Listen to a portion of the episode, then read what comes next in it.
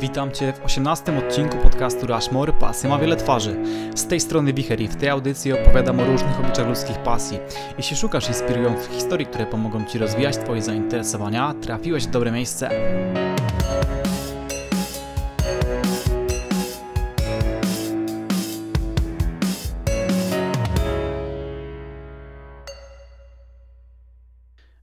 Was wszystkich w nowym odcinku podcastu. E, Na wstępie kilka słów wyjaśnienia na temat mojej półrocznej nieobecności e, w eterze i na blogu.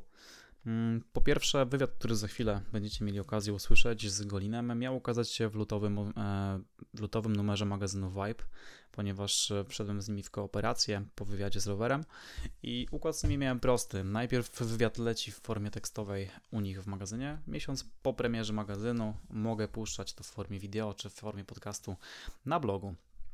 No i w zasadzie ten wywiad miał ukazać się w marcu, ponieważ e, lutowy magazyn Vibe miał mieć premierę w lutym, jak sama nazwa wskazuje.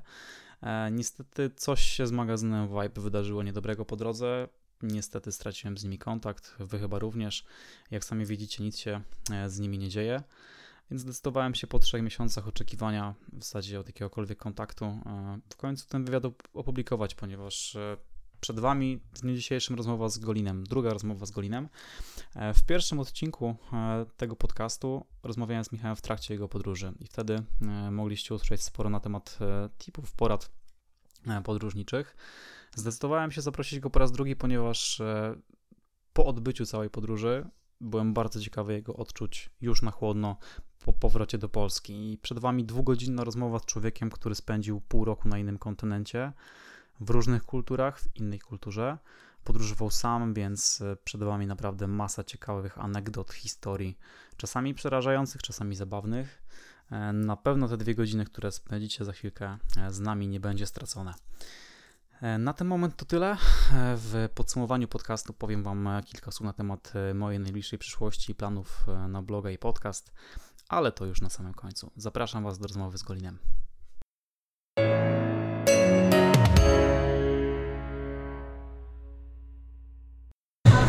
Cześć, witam Was w kolejnym odcinku podcastu. E, Blisko rok po pierwszym wywiadzie z Golinem spotkaliśmy się w Krakowie po raz drugi. E, Tym razem, żeby pogadać właśnie o jego podróży do Azji, o tej półrocznej podróży do Azji, żeby podsumować cały wyjazd. I na początek witam Cię Michale. Witam, E, siema.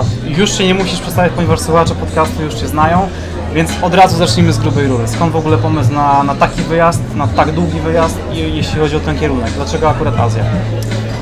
E, szczerze powiedziawszy, to ja od zawsze interesowałem się trochę takimi bardziej antycznymi częściami świata. To zawsze we mnie, e, to marzenie zawsze we mnie kiełkowało, żeby odwiedzić te jakieś dalekie miejsca. Właściwie od dziecka zainteresowania moje krążyły wokół jakichś starożytnych cywilizacji, czy to właśnie Bliski Wschód, jak Mezopotamia, Egipt, e, czy starożytna Persja, później te dalsze też rejony, Indie, no i w końcu ten daleki wschód, czyli Chiny, Japonia, e, Azja ogółem. I ogółem wydaje mi się, że Daleki Wschód to jest taki region e, dosyć mocno owiany legendą w kulturze białego człowieka. E, Daleki Wschód dla mnie osobiście to to taka trochę nierozwikłana tajemnica, to, to świat duchowy, w którym dominują w ogóle kompletnie inne wartości niż tutaj na zachodzie, to, to coś metafizycznego, to coś magicznego. Mówisz o swoich odczuciach przed wyjazdem, czy już w trakcie? Tak, chodzi mi o uczucia przed wyjazdem, przed wyjazdem głównie, tak, ta, te, te opary mistycyzmu, buddyzmu, różnych dalekowschodnich religii, to wszystko zawsze jakoś mnie nurtowało i chciałbym to, zawsze, zawsze chciałem porównać jakby moją wizję Dalekiego Wschodu z faktycznym stanem rzeczy, jak to życie tam na Dalekim Wschodzie wygląda i czy naprawdę jest tak odmienne od tego, co mamy tutaj. I rzeczywiście tak jest, to jest odmienna kultura, odmienna historia, tradycja, inna no, inna kultura, inny język, inny sposób komunikacji, tok myślenia, totalnie inna mentalność. Yy, Jak teraz nawet myślę o Azji, to dla mnie Azja jest takim ostatnim bastionem jakby, ym, ostatnim bastionem, gdzie triumfują relacje międzyludzkie nad takimi wartościami na zachodzie, jak na przykład e, chęć gromadzenia dóbr, ten matur, materializm i, i chęć konsumpcji jakby podkręcona do granic możliwości. Jeżeli chce się zobaczyć e, człowieczeństwo w takiej optymalnej, pierwotnej formie, to wydaje mi się, że Daleki Wschód jest e, idealnym miejscem, żeby to zrobić, żeby to Jest poznać. tak, że w całej Azji jest podobnie, jeśli chodzi właśnie o podejście do materializmu i o podejście do relacji międzyludzkich, czy niektóre regiony charakteryzują się tym, że są bardziej otwarte na turystów, na w ogóle drugiego człowieka? Tak, no to zależy. Jakby Azja Południowo-Wschodnia, na przykład takie kraje jak Tajlandia, są bardzo otwarte na przybyszów z zewnątrz, bo jakby e, są już nauczeni po prostu Tak, tak, tak. To, to jest, turystyka jest, e, turyzm jest wielką jakby gałęzią ich gospodarki, także oni chcąc nie chcą muszą być otwarci jakby na, na przybyszów z zewnątrz. Poza tym e, Tajlandia tam jest e, bardzo dostępna jakość usług e, po stosunkowo niskiej cenie i to są takie, możesz dostać produkty zachodnie, zachodnich marek i w związku z tym tam bardzo dużo ludzi z zachodu przyjeżdża. Na przykład jeżeli chodzi o Chiny, tam już jest troszeczkę inaczej, bo jakby Chiny to troszeczkę taki jakby swój zamknięty świat i nawet e, sposób porozumiewania się jest zupełnie inny. Mało kto w Chinach mówi po angielsku, tylko i wyłącznie po, po mandaryńsku. Nie mówię tutaj o wielkich miastach, wiadomo, Pekin, Szanghaj, Hongkong i tak dalej, tam po angielsku można się dogadać z reguły, ale Chiny są tak olbrzymim krajem, że że ci obcokrajowcy już są, ta, już są tam inaczej trochę prze, y, jakby wiesz, y, przyjmowani, nie? Jest troszeczkę trudniej dla, dla człowieka z zewnątrz tam y, wjechać. Tak samo jest z takimi miejscami jak Indie, jak Laos, tam oczywiście panuje skrajna bieda i będąc przybyszem z zewnątrz, będąc tym bardziej białym człowiekiem, automatycznie też masz przylepianą łatkę. To, to jest akurat minus niektórych miejsc, że masz przylepianą łatkę, że jesteś bogaty, jesteś z tego lepszego świata. Jakby zdarza się też, że ludzie troszeczkę inaczej do ciebie podchodzą. Ale to wszystko zależy od przypadku, prawda? Bo zdarzało mi się być goszczonym również w Indiach czy w Laosie w jakichś e, totalnie skrajnych e, warunkach przyjmowany do domów e, rodzin azjatyckich i, i nikt mi tej łatki nie przylepiał i mogliśmy rozmawiać, mogliśmy poznawać swoje kultury bez najmniejszego problemu i ta nić porozumienia zawsze była. Okej, ten temat sobie jeszcze rozwiniemy w dalszej części rozmowy. To tak teraz od początku, bo nie doprecyzowaliśmy jeszcze właśnie skąd pomysł na aż tak długą podróż. Przeważnie jeśli ktoś jedzie do Azji, no to jest to 3-4 tygodnie maksymalnie. Pół roku to jednak jest kawał czasu, tak naprawdę kawał życia. Czy od początku Twój pomysł był taki, że to będzie pół roku i wracasz, czy po prostu kupiłeś bilet w jedną stronę i powiedziałeś, że jadę i zobaczymy co się będzie działo dalej? Troszeczkę tak było, że kupiłem bilet w jedną stronę i hej, przygodę, zobaczymy jak będzie dalej. Oczywiście zbudowałem jakiś tam odpowiedni budżet wcześniej, w razie czego jakby coś się działo, jakbym sobie nie dawał rady, bo wiesz, podróż łączy się też z jakimiś wątpliwościami tak naprawdę wielkimi, nie? Ty, tym bardziej jeżeli... Sporą ilością wątpliwości. Tak, no jeżeli decydujesz się poświęcić, nie wiem, pół roku, sześć miesięcy swojego życia tylko i wyłącznie na życie w drodze, no to musisz liczyć się z konsekwencjami i tym bardziej jeżeli ruszasz w jakieś wymagające rejony, to nie wiesz z góry, ja na przykład nie znam, teraz troszeczkę już więcej wiem o sobie, ale wcześniej nie mogłem na 100% powiedzieć, że o na 100% sobie poradzę, spędzę tam, nie wiem, 6 miesięcy albo 8 miesięcy, będzie fajnie, będzie super przygoda. Dla mnie to była jedna wielka niewiadoma tak naprawdę. I były, brałem e, taką możliwość pod uwagę, że może pojadę na miesiąc i zupełnie mi się nie spodoba, albo się nie odnajdę, albo będę tęsknił za domem i przepraszam, będę musiał wrócić po prostu. Ale powiem Ci, że E, podróż daje Ci tyle bodźców zewnętrznych, to jest troszeczkę jak narkotyk. Jeżeli pogadasz z innymi podróżnikami, to zapewne każdy Ci powie, że podróż jest czymś uzależnia, uzależniającym. Dostajesz tyle bodźców, tyle energii każdego dnia, bo tyle rzeczy wokół się, Ciebie się dzieje, że po prostu łakniesz tego coraz więcej. I pamiętam, że jak minął pierwszy miesiąc, to e, zacząłem od Singapuru, No Właśnie miałem Cię pytać o kolejność całej drogi. tak, Od- tak. Zacząłem, zacząłem od Singapuru, e, następnie była Malezja, później Tajlandia, później cała Azja Południowo-Wschodnia, czyli Indochiny, później znowu Tajlandia, następnie Birma. Z Birmy chyba znowu wróciłem do Tajlandii. Tajlandii chyba byłem trzy razy tak naprawdę.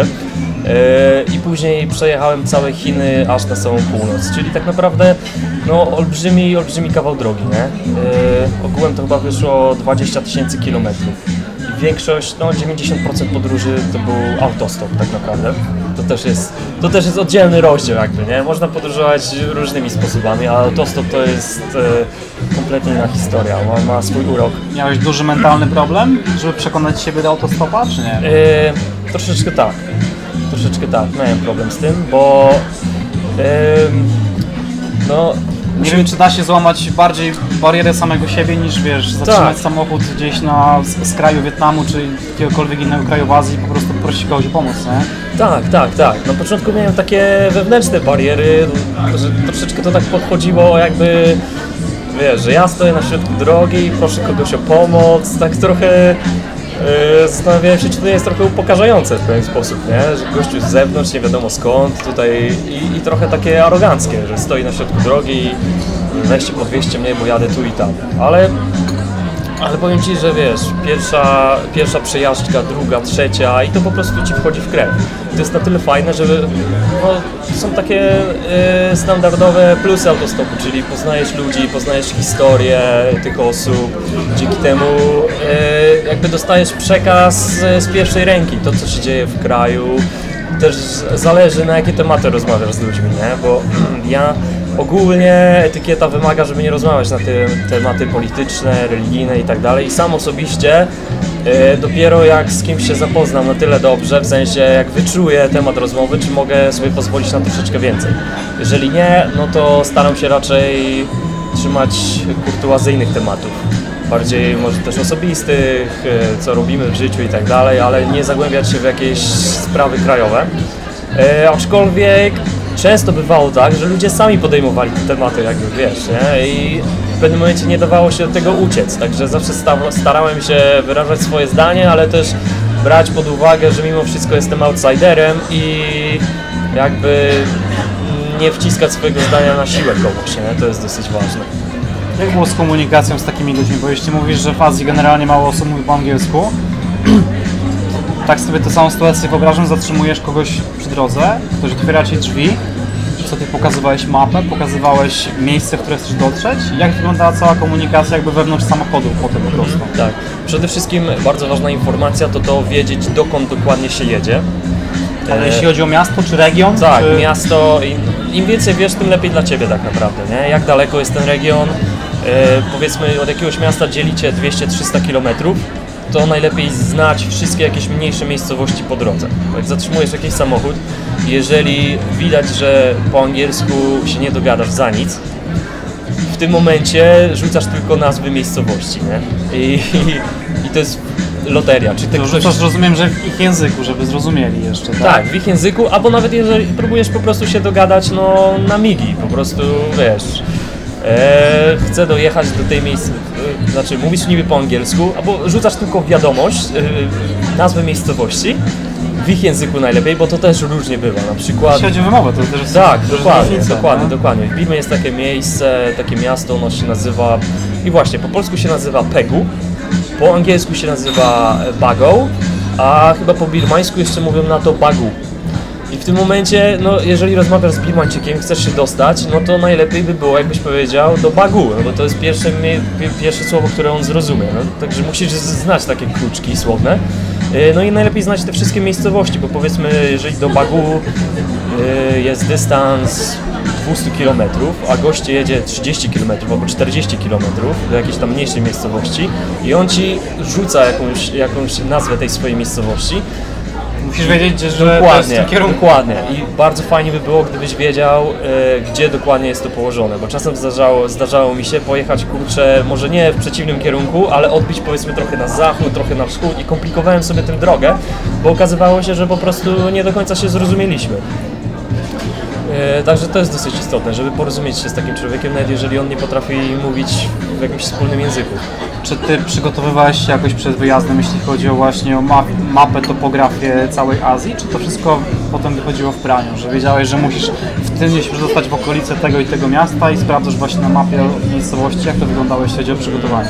Tak, przygotowywałem się skrupulatnie, jakby nie tylko chodzi o samą wyprawę, o sam wyjazd, ja generalnie jestem pasjonatem map i ogółem moim pokoju mam wszędzie mapy rozwieszone i, i nawet w wolnym czasie uwielbiam sobie popatrzeć po prostu na mapę, dowiedzieć się jakichś nowych informacji. I tak było nawet przed tą wyprawą, już przez długi czas. Moja wyprawa tak naprawdę zrodziła się z wpatrywania bez- bezustannego w mapę Azji.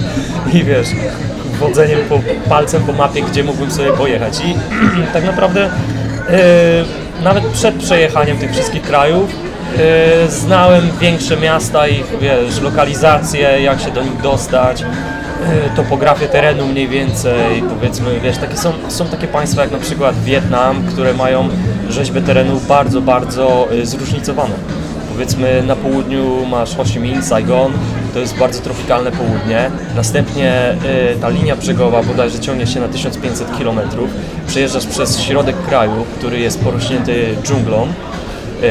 Później jak przyjeżdżasz na północ, to robi się już coraz bardziej górzyście i te wpływy coraz bardziej chińskie są. E, Dlatego warto znać te, te wszystkie jakby informacje, ponieważ to ułatwia Ci później podróż, nie? Zastanawiasz się, e, przygotowania Ci to ułatwia również przed, przed wyjazdem, przed e, łapaniem stopa, ile dokładnie może mi zająć podróż z punktu A do punktu B. To jest, no, to rzeczywiście czyni życie łatwiejszym, jeżeli się przygotujesz pod tym względem. Podejrzewam, że Ta- Tajlandia i Chiny były najłatwiejsze, jeśli chodzi o stopa w ogóle, jeśli chodzi o komunikację po kraju.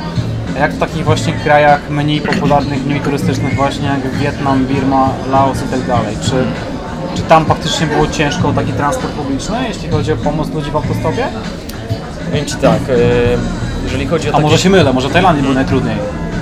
Nie, nie mylisz się. Akurat Tajlandia była stosunkowo łatwym krajem, jeżeli chodzi o podróże autostopem, bo e, może Tajowie sami nie korzystają z tego, ale jakby jest tak, Tajlandia jest tak często odwiedzana przez obcokrajowców, przez farangów, że e, każdy jest już zaznajomiony z tą formą podróży i jakby w Tajlandii było stosunkowo łatwo, chociaż to też zależy od rejonu, bo na przykład na północy było już troszeczkę trudniej i zdarzało mi się czekać, nie wiem, po godzinie, po dwie godziny na jedną prze- przewózkę, przepraszam, żeby dostać się z jednego punktu do drugiego, także, ale jeżeli chodzi o te inne kraje, to y, Birma bardzo pozytywnie mnie zaskoczyła.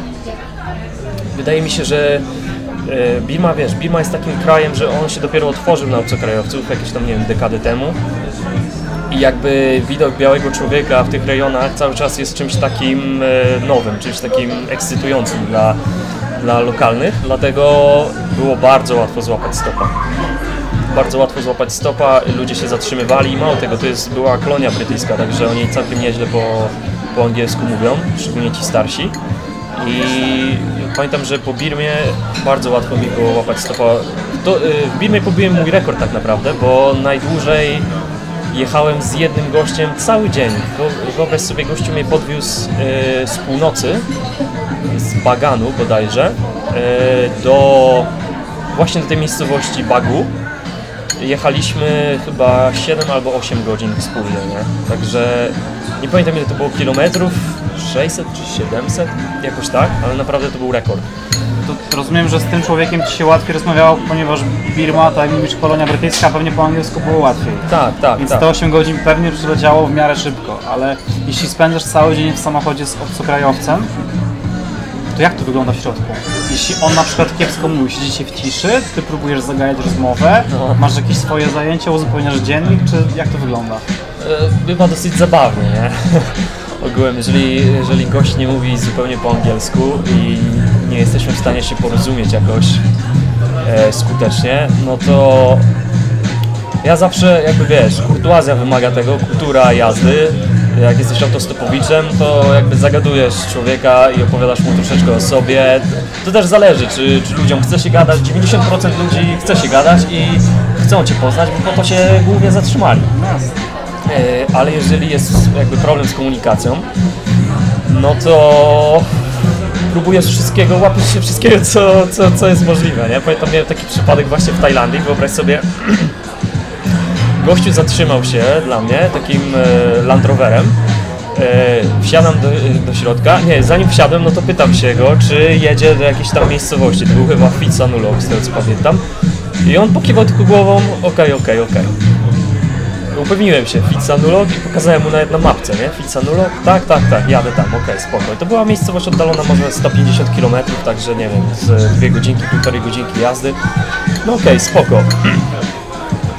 Okazało się, że gościu zupełnie nie mówi po angielsku, zero. No i wtedy stawałem na głowie, żeby się z nim jakoś dogadać, przynajmniej przez te pierwsze pół godziny. No i, no i wtedy mówisz jak do dziecka po prostu, wiesz, e, rzucasz hasła, słowa klucze, typu e, Tajlandia to piękny kraj. Mówisz rzeczywiście bardzo powoli, bardzo wyraźnie, żeby on zrozumiał. I wtedy, Drukowanymi literami. tak, dokładnie. I wtedy bardzo często się zdarza, że on wyłapie coś tam, nie? Mówi Thailand is a beautiful country.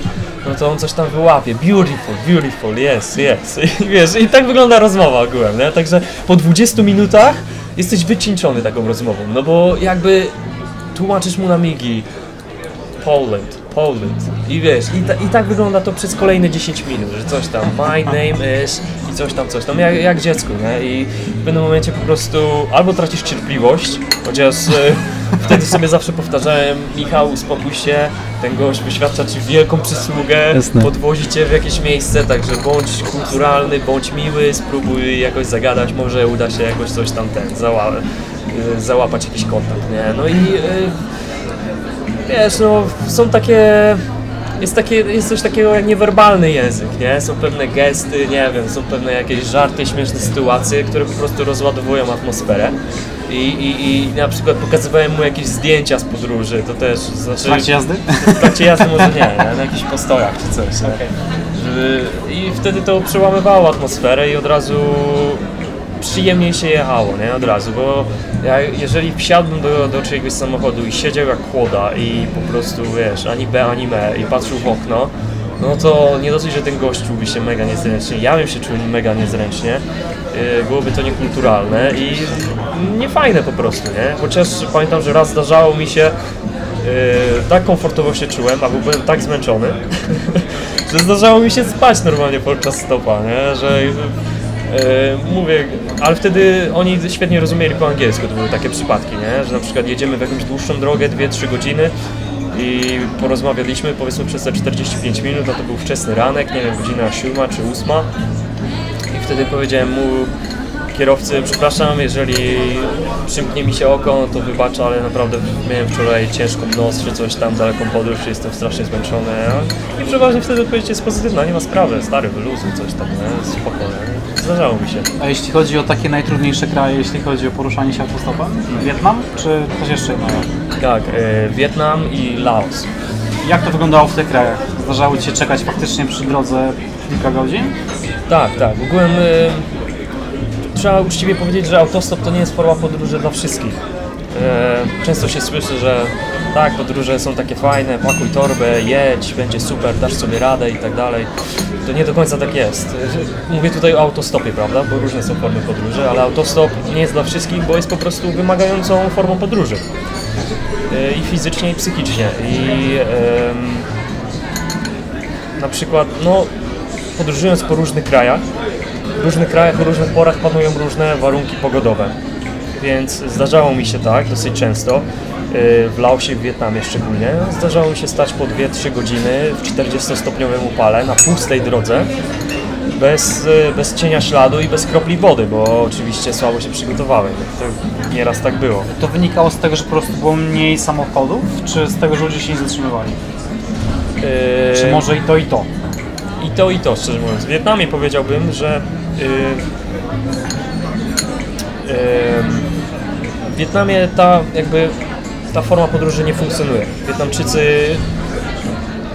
to jest dla nich dziwne ogółem, nie? Prosić kogoś, za, żeby, żeby go do kogoś obcego wchodzić do samochodu i prosić, żeby go podwieźć, to jest dla nich trochę dziwnie i pamiętam jak y, to było w Saigonie, jak wyjeżdżałem z Saigonu, y, zatrzymała się kiedyś przede mną taki mały busik się zatrzymał, taki mały wanik.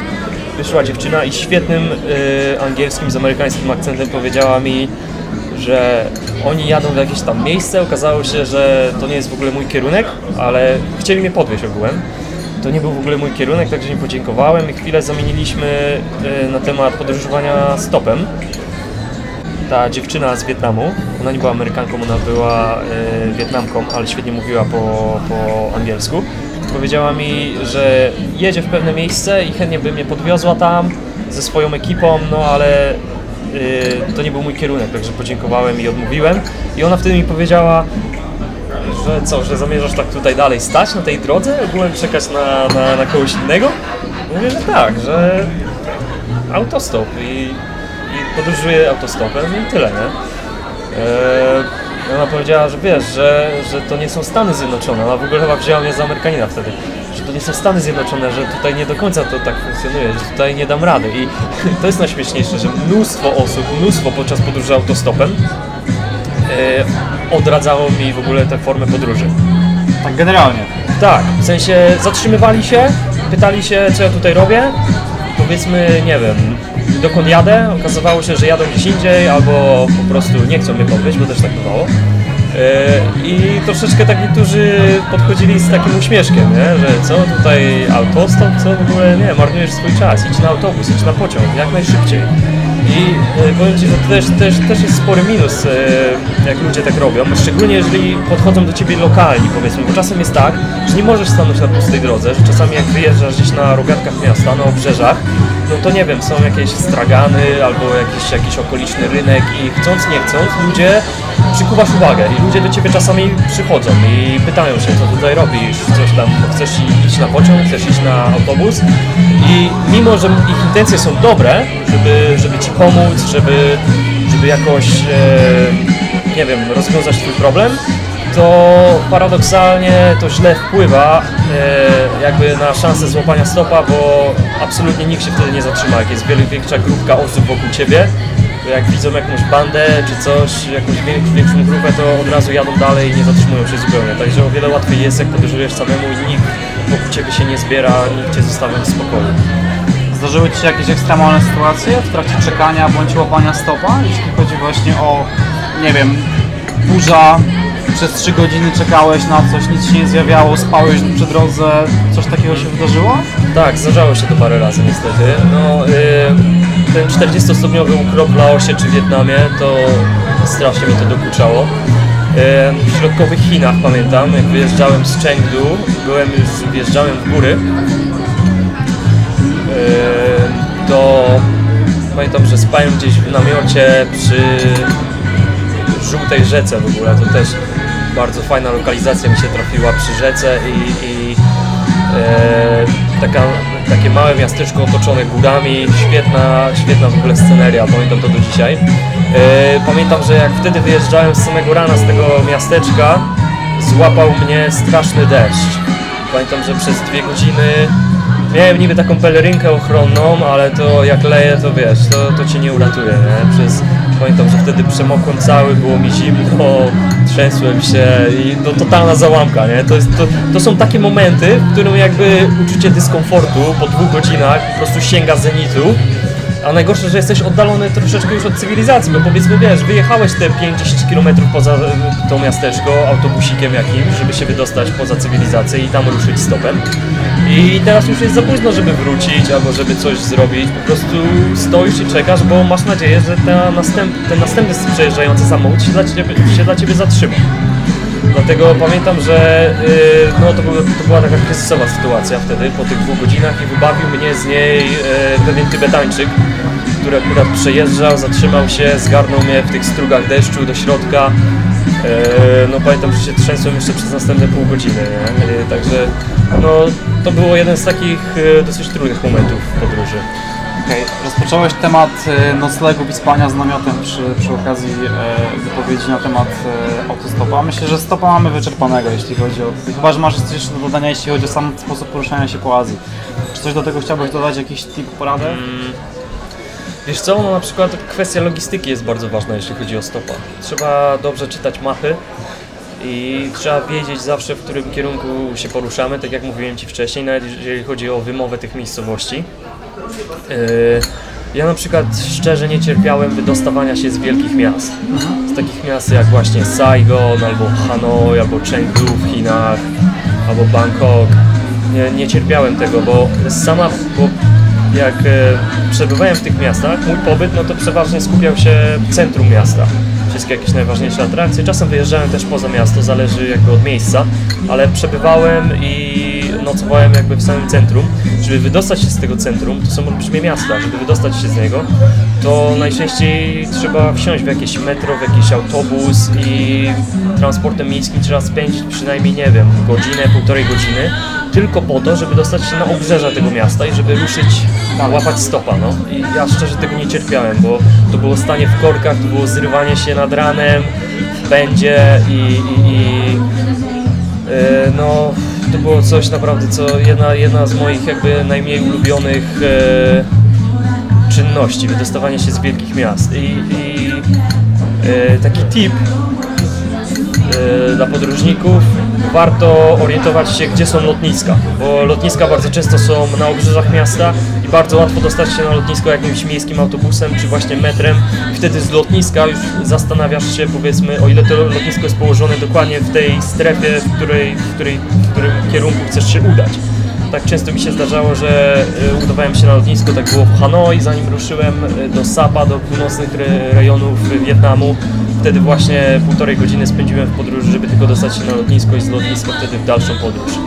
Było łatwiej. No, było o wiele łatwiej.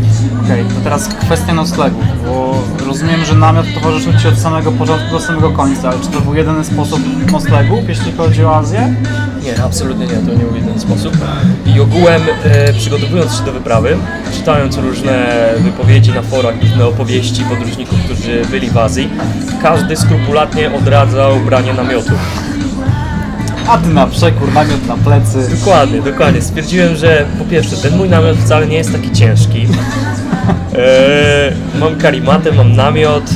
E, dobra, jeżeli nie będę używał, to nie będę używał, no bo wszyscy zachwalali ogółem hostele, schroniska, jakieś tam tanie pensjonaty, bo rzeczywiście ceny nie są jakieś wymagające za noc, bo można dostać jakieś łóżko, albo nawet jak ktoś chce pokój za nie wiem 5-6 dolarów za noc, za 10 dolarów, zależy od miejsca, zależy od standardu.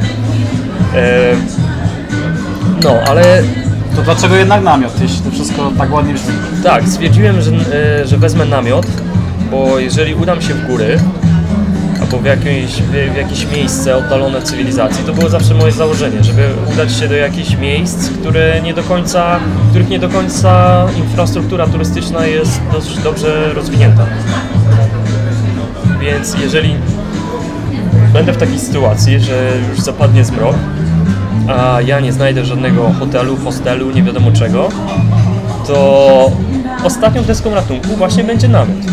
I bardzo często e, ten namiot ratował mi skórę po prostu, Ci szczerze, bo e, może tego nie powiedziałem w ogóle na początku, ale ten mój styl podróży to jest po prostu jedna wielka włóczęga, nie? To jest, to jest łażenie z plecakiem i jakby korzystanie pełnymi garściami ze, wszystk- ze wszystkiego, z dóbr kultury danego rejonu, ale też jakby bardzo dużo czasu spędzałem w jakichś parkach narodowych, w górach, nad morzem.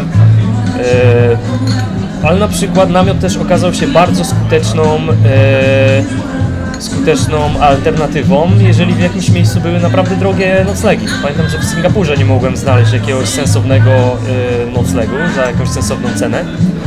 Więc y, gdzieś przeczytałem, że w Singapurze istnieje możliwość y, nocowania na plaży.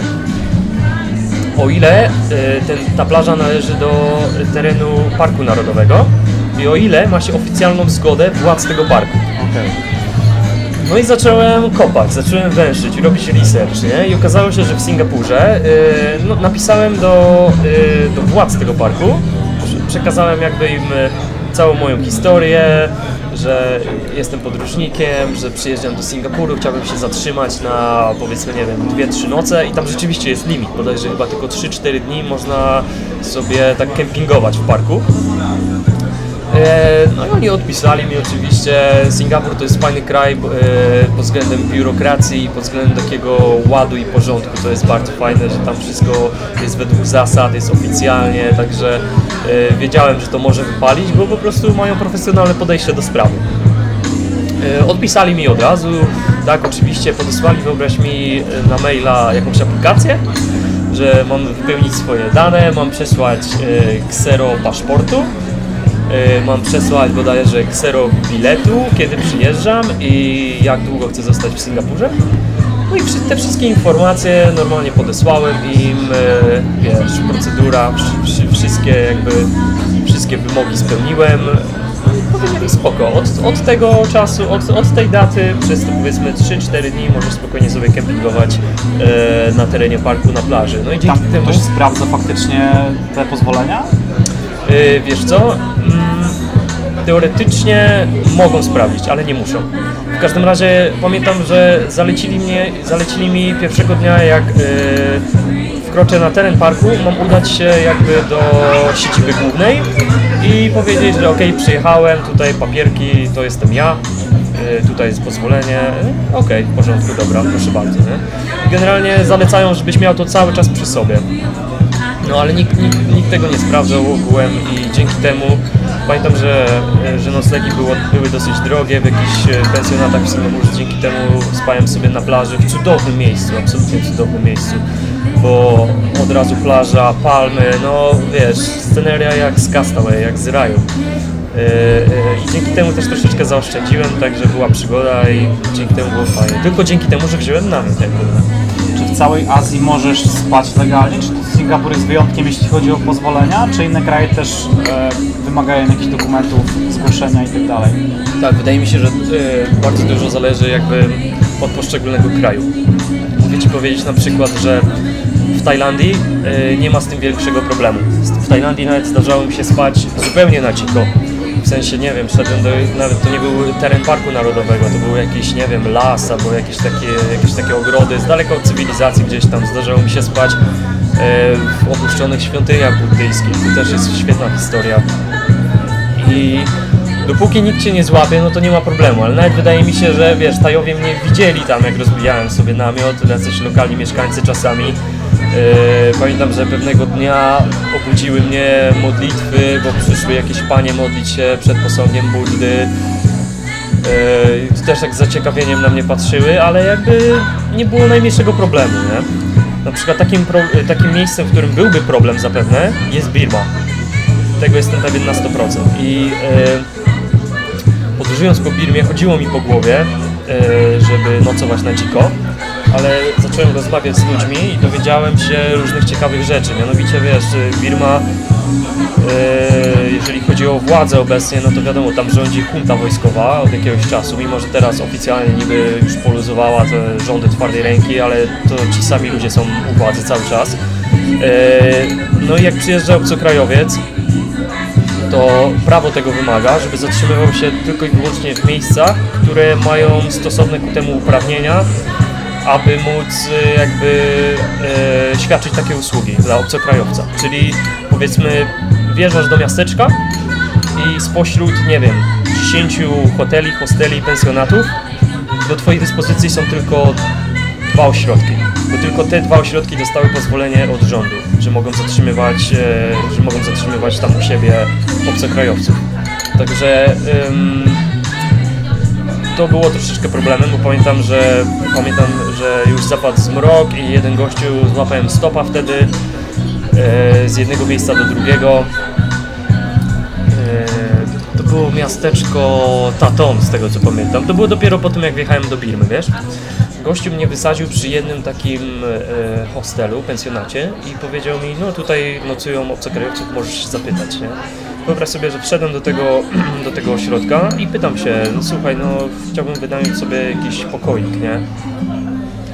A gościu ze smutną miną, zaladą mówi, przykro mi, no nie mogę Cię zatrzymać, nie, nie, nie możesz u mnie się zatrzymać tym razem, no bo w tym roku nie dostałem pozwolenia od rządu, nie? Okej, spoko. E, czy mógłbyś mi coś poradzić, nie? W sensie, czy jest jakieś inne, jakieś inne miejsce, gdzie mógłbym się zatrzymać? No, Czekaj z Birmy. nie, całe szczęście powiem, życzliwy był na tyle i powiedział mi, że jakiś tam jego dalszy sąsiad ma jakiś swój hotelik i on ma pozwolenie obecnie, także nie wiem, idź tam e, dwie przecznice, później skręć w prawo i dojdziesz do takiego hosteliku i on cię prawdopodobnie będziesz mógł się zatrzymać u niego, nie? I tak, tak właśnie było, nie? To jest też fajnie, że fajne, fajne to było, że też ym, nie windowali cen, bo tego się też spodziewałem, nie? Że jeżeli... Monopol, nie? Tak, tak. Jeżeli, jeżeli, jeżeli, jeżeli wejdę do takiego sąsiada właśnie poleconego, no to gościu zaraz mi krzyknie jakąś tam, nie wiem, astronomiczną cenę, trzy razy większą niż standardowa, bo będę, bo, bo widzi, że jestem zdesperowany, jest ciemno i... Nie masz wyjścia za bardzo z takiej sytuacji. No dokładnie, dokładnie. Yy, ale całe szczęście nie wykorzystywali tego. Właśnie to też mi się podobało w Birmie, że ludzie są yy, bardzo uczciwi, wiesz? Wydaje mi się, że turystów jeszcze nie napłynęło tylu turystów, aby oni przesiąknęli taką chęcią, wiesz, wzbogacenia się na nich, szukania ich, że coś tam, coś tam, nie. Oni są naprawdę, mają bardzo niewinne podejście do turystów, to jest szczere i to, to mi się bardzo podobało. Okej. Yy, No, mów dalej, sorry. Yy, jeszcze miałem powiedzieć o, o Chinach. A propos Chiny i nocowanie gdzieś na dziko. Oficjalnie nie można niby, bo mogą być z tym problemy. Ogółem Chińczycy są dosyć wyczuleni na punkcie przepisów, jeżeli chodzi o służby mundurowe. Jeżeli chodzi o normalnych cywilów, ludzi, to nie ma z tym większego problemu. Yy, W sensie yy, zdarzało mi się być zaciąganym na komisariat w Chinach, ale to z, te, z tego względu yy, bardziej nie ze względu na noclegi na dziko, ale ze względu na poruszanie się autostopem. Generalnie to mi się zdarzało w Wietnamie i w Chinach, że parokrotnie policja się zatrzymywała przy mnie i Jak czekałeś? tak, jak czekałem, no, ściągali mnie z autostrady, bo generalnie przepisy, przepisy mówią, że osoba piesza nie może być na autostradzie, nie? Absolutnie nie może być i zatrzymują się przed tobą i ka- każą ci zejść i dopóki nie zejdziesz, to oni się nie ruszą stamtąd. Eee, no to było nieprzyjemne na pewno, eee, ale pamiętam, że no, szedłem troszeczkę dalej, nie wiem, 200-300 metrów, oni pojechali, a ja wracałem akurat w to samo miejsce, bo to było miejsce, które było naprawdę fajne, bo byłem bardzo dobrze widoczny, było bardzo łatwo się zatrzymać dla, dla tego potencjalnego kierowcy, także nie mogłem rezygnować z tego miejsca. Eee, a poza tym pamiętam jeszcze jedną rzecz, bramki wjazdowe, to było moje przekleństwo, szczególnie właśnie w Chinach i w Wietnamie. Bramki na autostradę. Tak, tak, tak, bramki na autostradę. Bo generalnie ludzie, którzy siedzą w tych bramkach, e, nie przepuszczą cię. Będzie, będzie olbrzymi Nie problem. możesz wejść Tak, nie możesz wejść. Tak, tak, okej. tak, nie możesz wejść. Nie przepuszczą cię, będzie zawsze wyjdzie z bramki, będzie olbrzymi problem i będzie afera, będzie chryja. E, W związku z tym jesteś zmuszony, żeby czekać przed tymi bramkami. A przed, W sumie też spoko, bo ludzie się zatrzymują chyba dojeżdżają Właśnie do niekoniecznie, wiesz? Właśnie niekoniecznie. Każdy się zatrzymuje, każdy zwalnia i się zatrzymuje, ale traktuje cię jak powietrze. Jakby przejeżdża obok i w ogóle jakbyś był niewidzialny, nie? Yy, No i ciężko bardzo złapać taką e, okazję przed tymi bramkami. Mało kto się zatrzymuje, więc e, jeżeli już ktoś się dla mnie, dla mnie zatrzymał i pytałem się w jakim kierunku jedzie, okazywało się, że jechał w kompletnie przeciwnym kierunku, to i tak się z nim zabierałem tylko po to, aby przedostać się przez te bramki. Powiedzmy, nie wiem, kilometr albo 2-3 kilometry za tymi bramkami, za jakimś zakrętem. Yy, on sobie zjeżdżał w jedną stronę, prosiłem, się, prosiłem go, żeby się zatrzymał i mnie wypuścił. Wtedy pamiętam, że wysiadałem, dziękowałem mu i sam przechodziłem przez yy, ulicę na drugą stronę, żeby ruszyć w kompletnie innym kierunku. E, jeśli chodzi o kwestię policji, to kiedyś mi opowiadałeś na temat sytuacji, nie wiem, czy dobrze pamiętam, w Iranie, kiedy jechałeś z taksówkarzem i policja zatrzymała taksówkę. Pamiętasz taką anegdotę? I potem policjanci bałeś się, że będzie problem, a okazało się, że, że wszystko skończyło się dobrze. Nie chcę spoilować jakby słuchaczom, dlatego prosiłbym Cię o opowiedzenie tej anegdoty, po prostu była świetna. Tak, to było w Teheranie. W Teheranie, sorry. Tak, tak, tak. Eee, Wylądowałem w Teheranie jakoś dosyć późno, o pierwszej czy o drugiej w nocy. Generalnie lotnisko w Teheranie jest oddalone od centrum miasta jakieś 40 km, także spory dystans.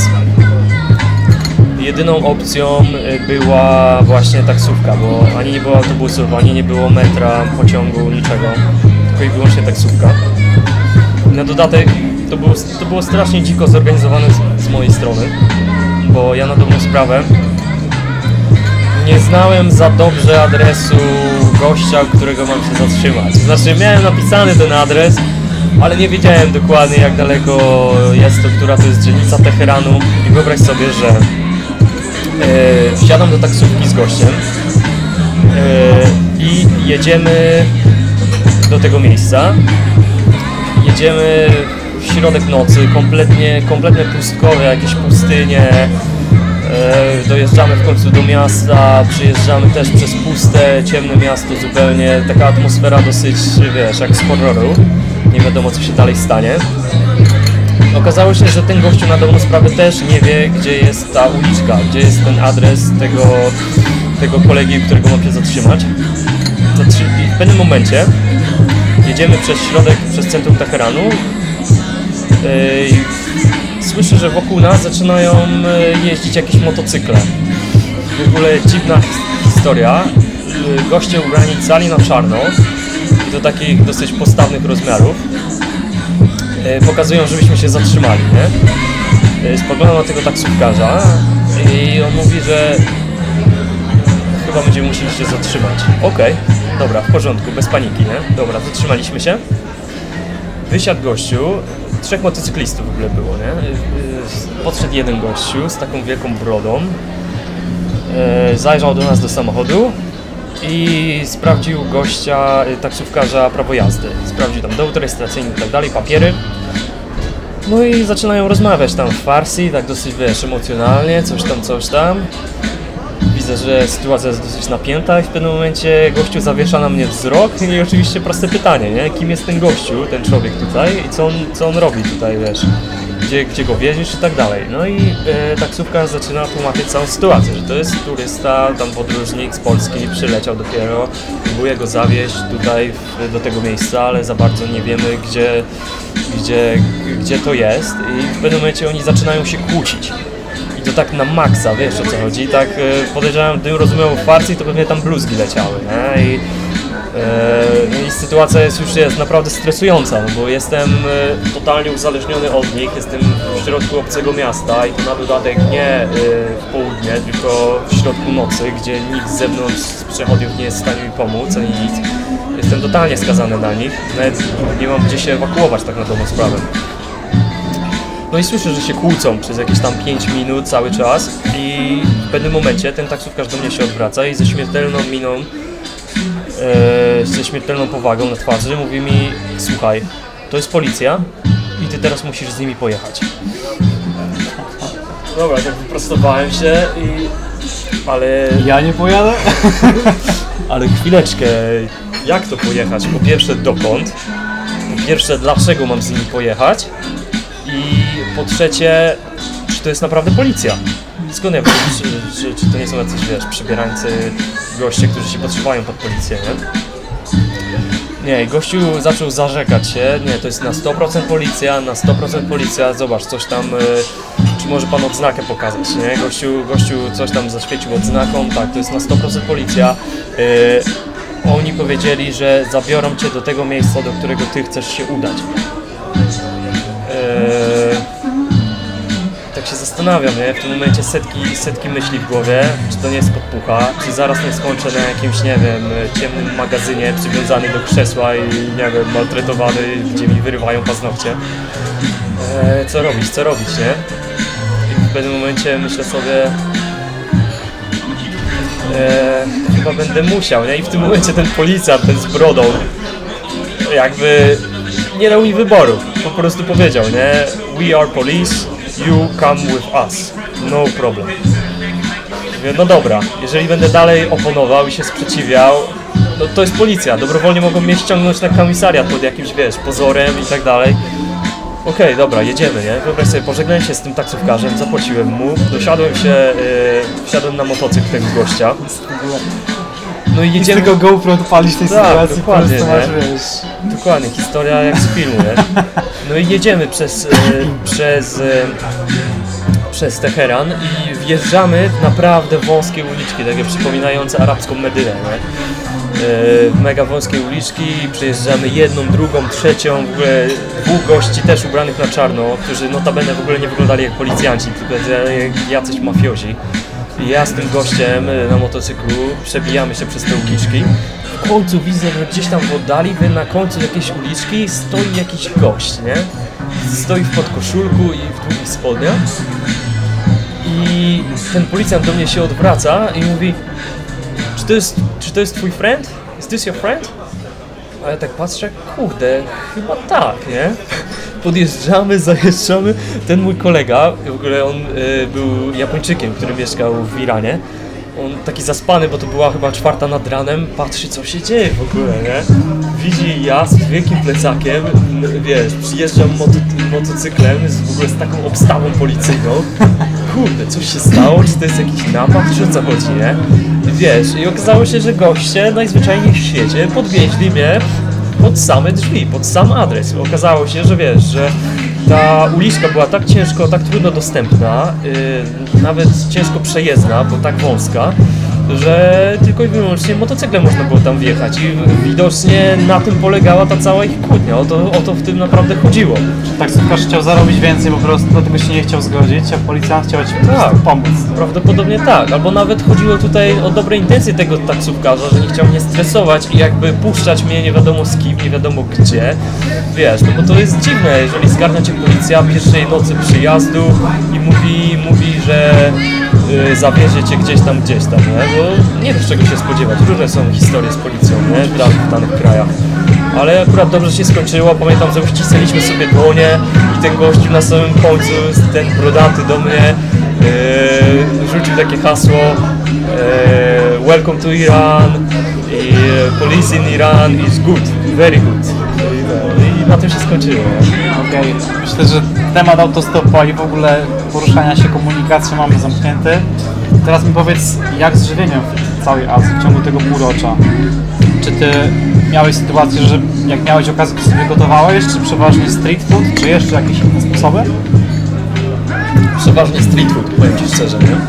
Przeważnie street food jakby to jest dla mnie naturalna kolej rzeczy. Jeżeli gdzieś wyjeżdżam, to muszę próbować lokalnego jedzenia, nawet jeżeli to jedzenie będzie jakieś ekstremalnie pikantne. Ja osobiście na przykład nie lubię pikantnego jedzenia, nie jestem jakimś wielkim fanem, dlatego po trzech dniach pobytu w Chinach pierwszą frazą po mandaryńsku, której się nauczyłem, to było no spicy please. To była pierwsza fraza, której musiałem się nauczyć i musiałem e, pamiętać, żeby zawsze jak, jak to odpowiednio wypowiedzieć. Pamiętam to do dzisiaj, tak mi się to wyryło w pamięć. To jest e, Pu Yao La. Pu Yao La. To jest, to jest magiczne hasło, która, które ułatwia Ci życie, nie? bo Chińczycy naprawdę uwielbiają pikantne żarcie, a szczególnie jeżeli jesteś w tej takiej południowo-środkowej, południowej, śred, środkowej e, okolicy Chengdu i to jest prowincja Sichuan. Oni uwielbiają jakieś papryczki, jakieś tam wiesz, e, przyprawy mega pikantne. Także po trzech dniach stwierdziłem, że albo nauczę się tej frazy i jakoś dam radę, albo po prostu spłonę tutaj żywcem, bo tak mnie piekło, że już po prostu nie dawałem rady. Po każdym posiłku wracałem do słownika i pół jaula, pół jaula, okej, spoko. No, a, a, a propos jedzenia w innych krajach, na przykład wszystko zależy od kraju, bo na przykład e, jedzenie w Tajlandii bardzo przypadło mi do gustu. Uwielbiam, e, lubię tajską kuchnię, chociaż e, też jest dosyć pikantna, ale, ale, ale akurat e, nie jest aż tak pikantna jak chińska. I na przykład mm, powiem Ci tak, z azjatyckim jedzeniem jest taka reguła, że ja jako człowiek stąd, mimo że wiesz, jestem osobą raczej szczupłą, która tam jakoś nie pochłania jakiejś nie wiadomo ilości jedzenia, ja nigdy nie byłem najedzony w Azji.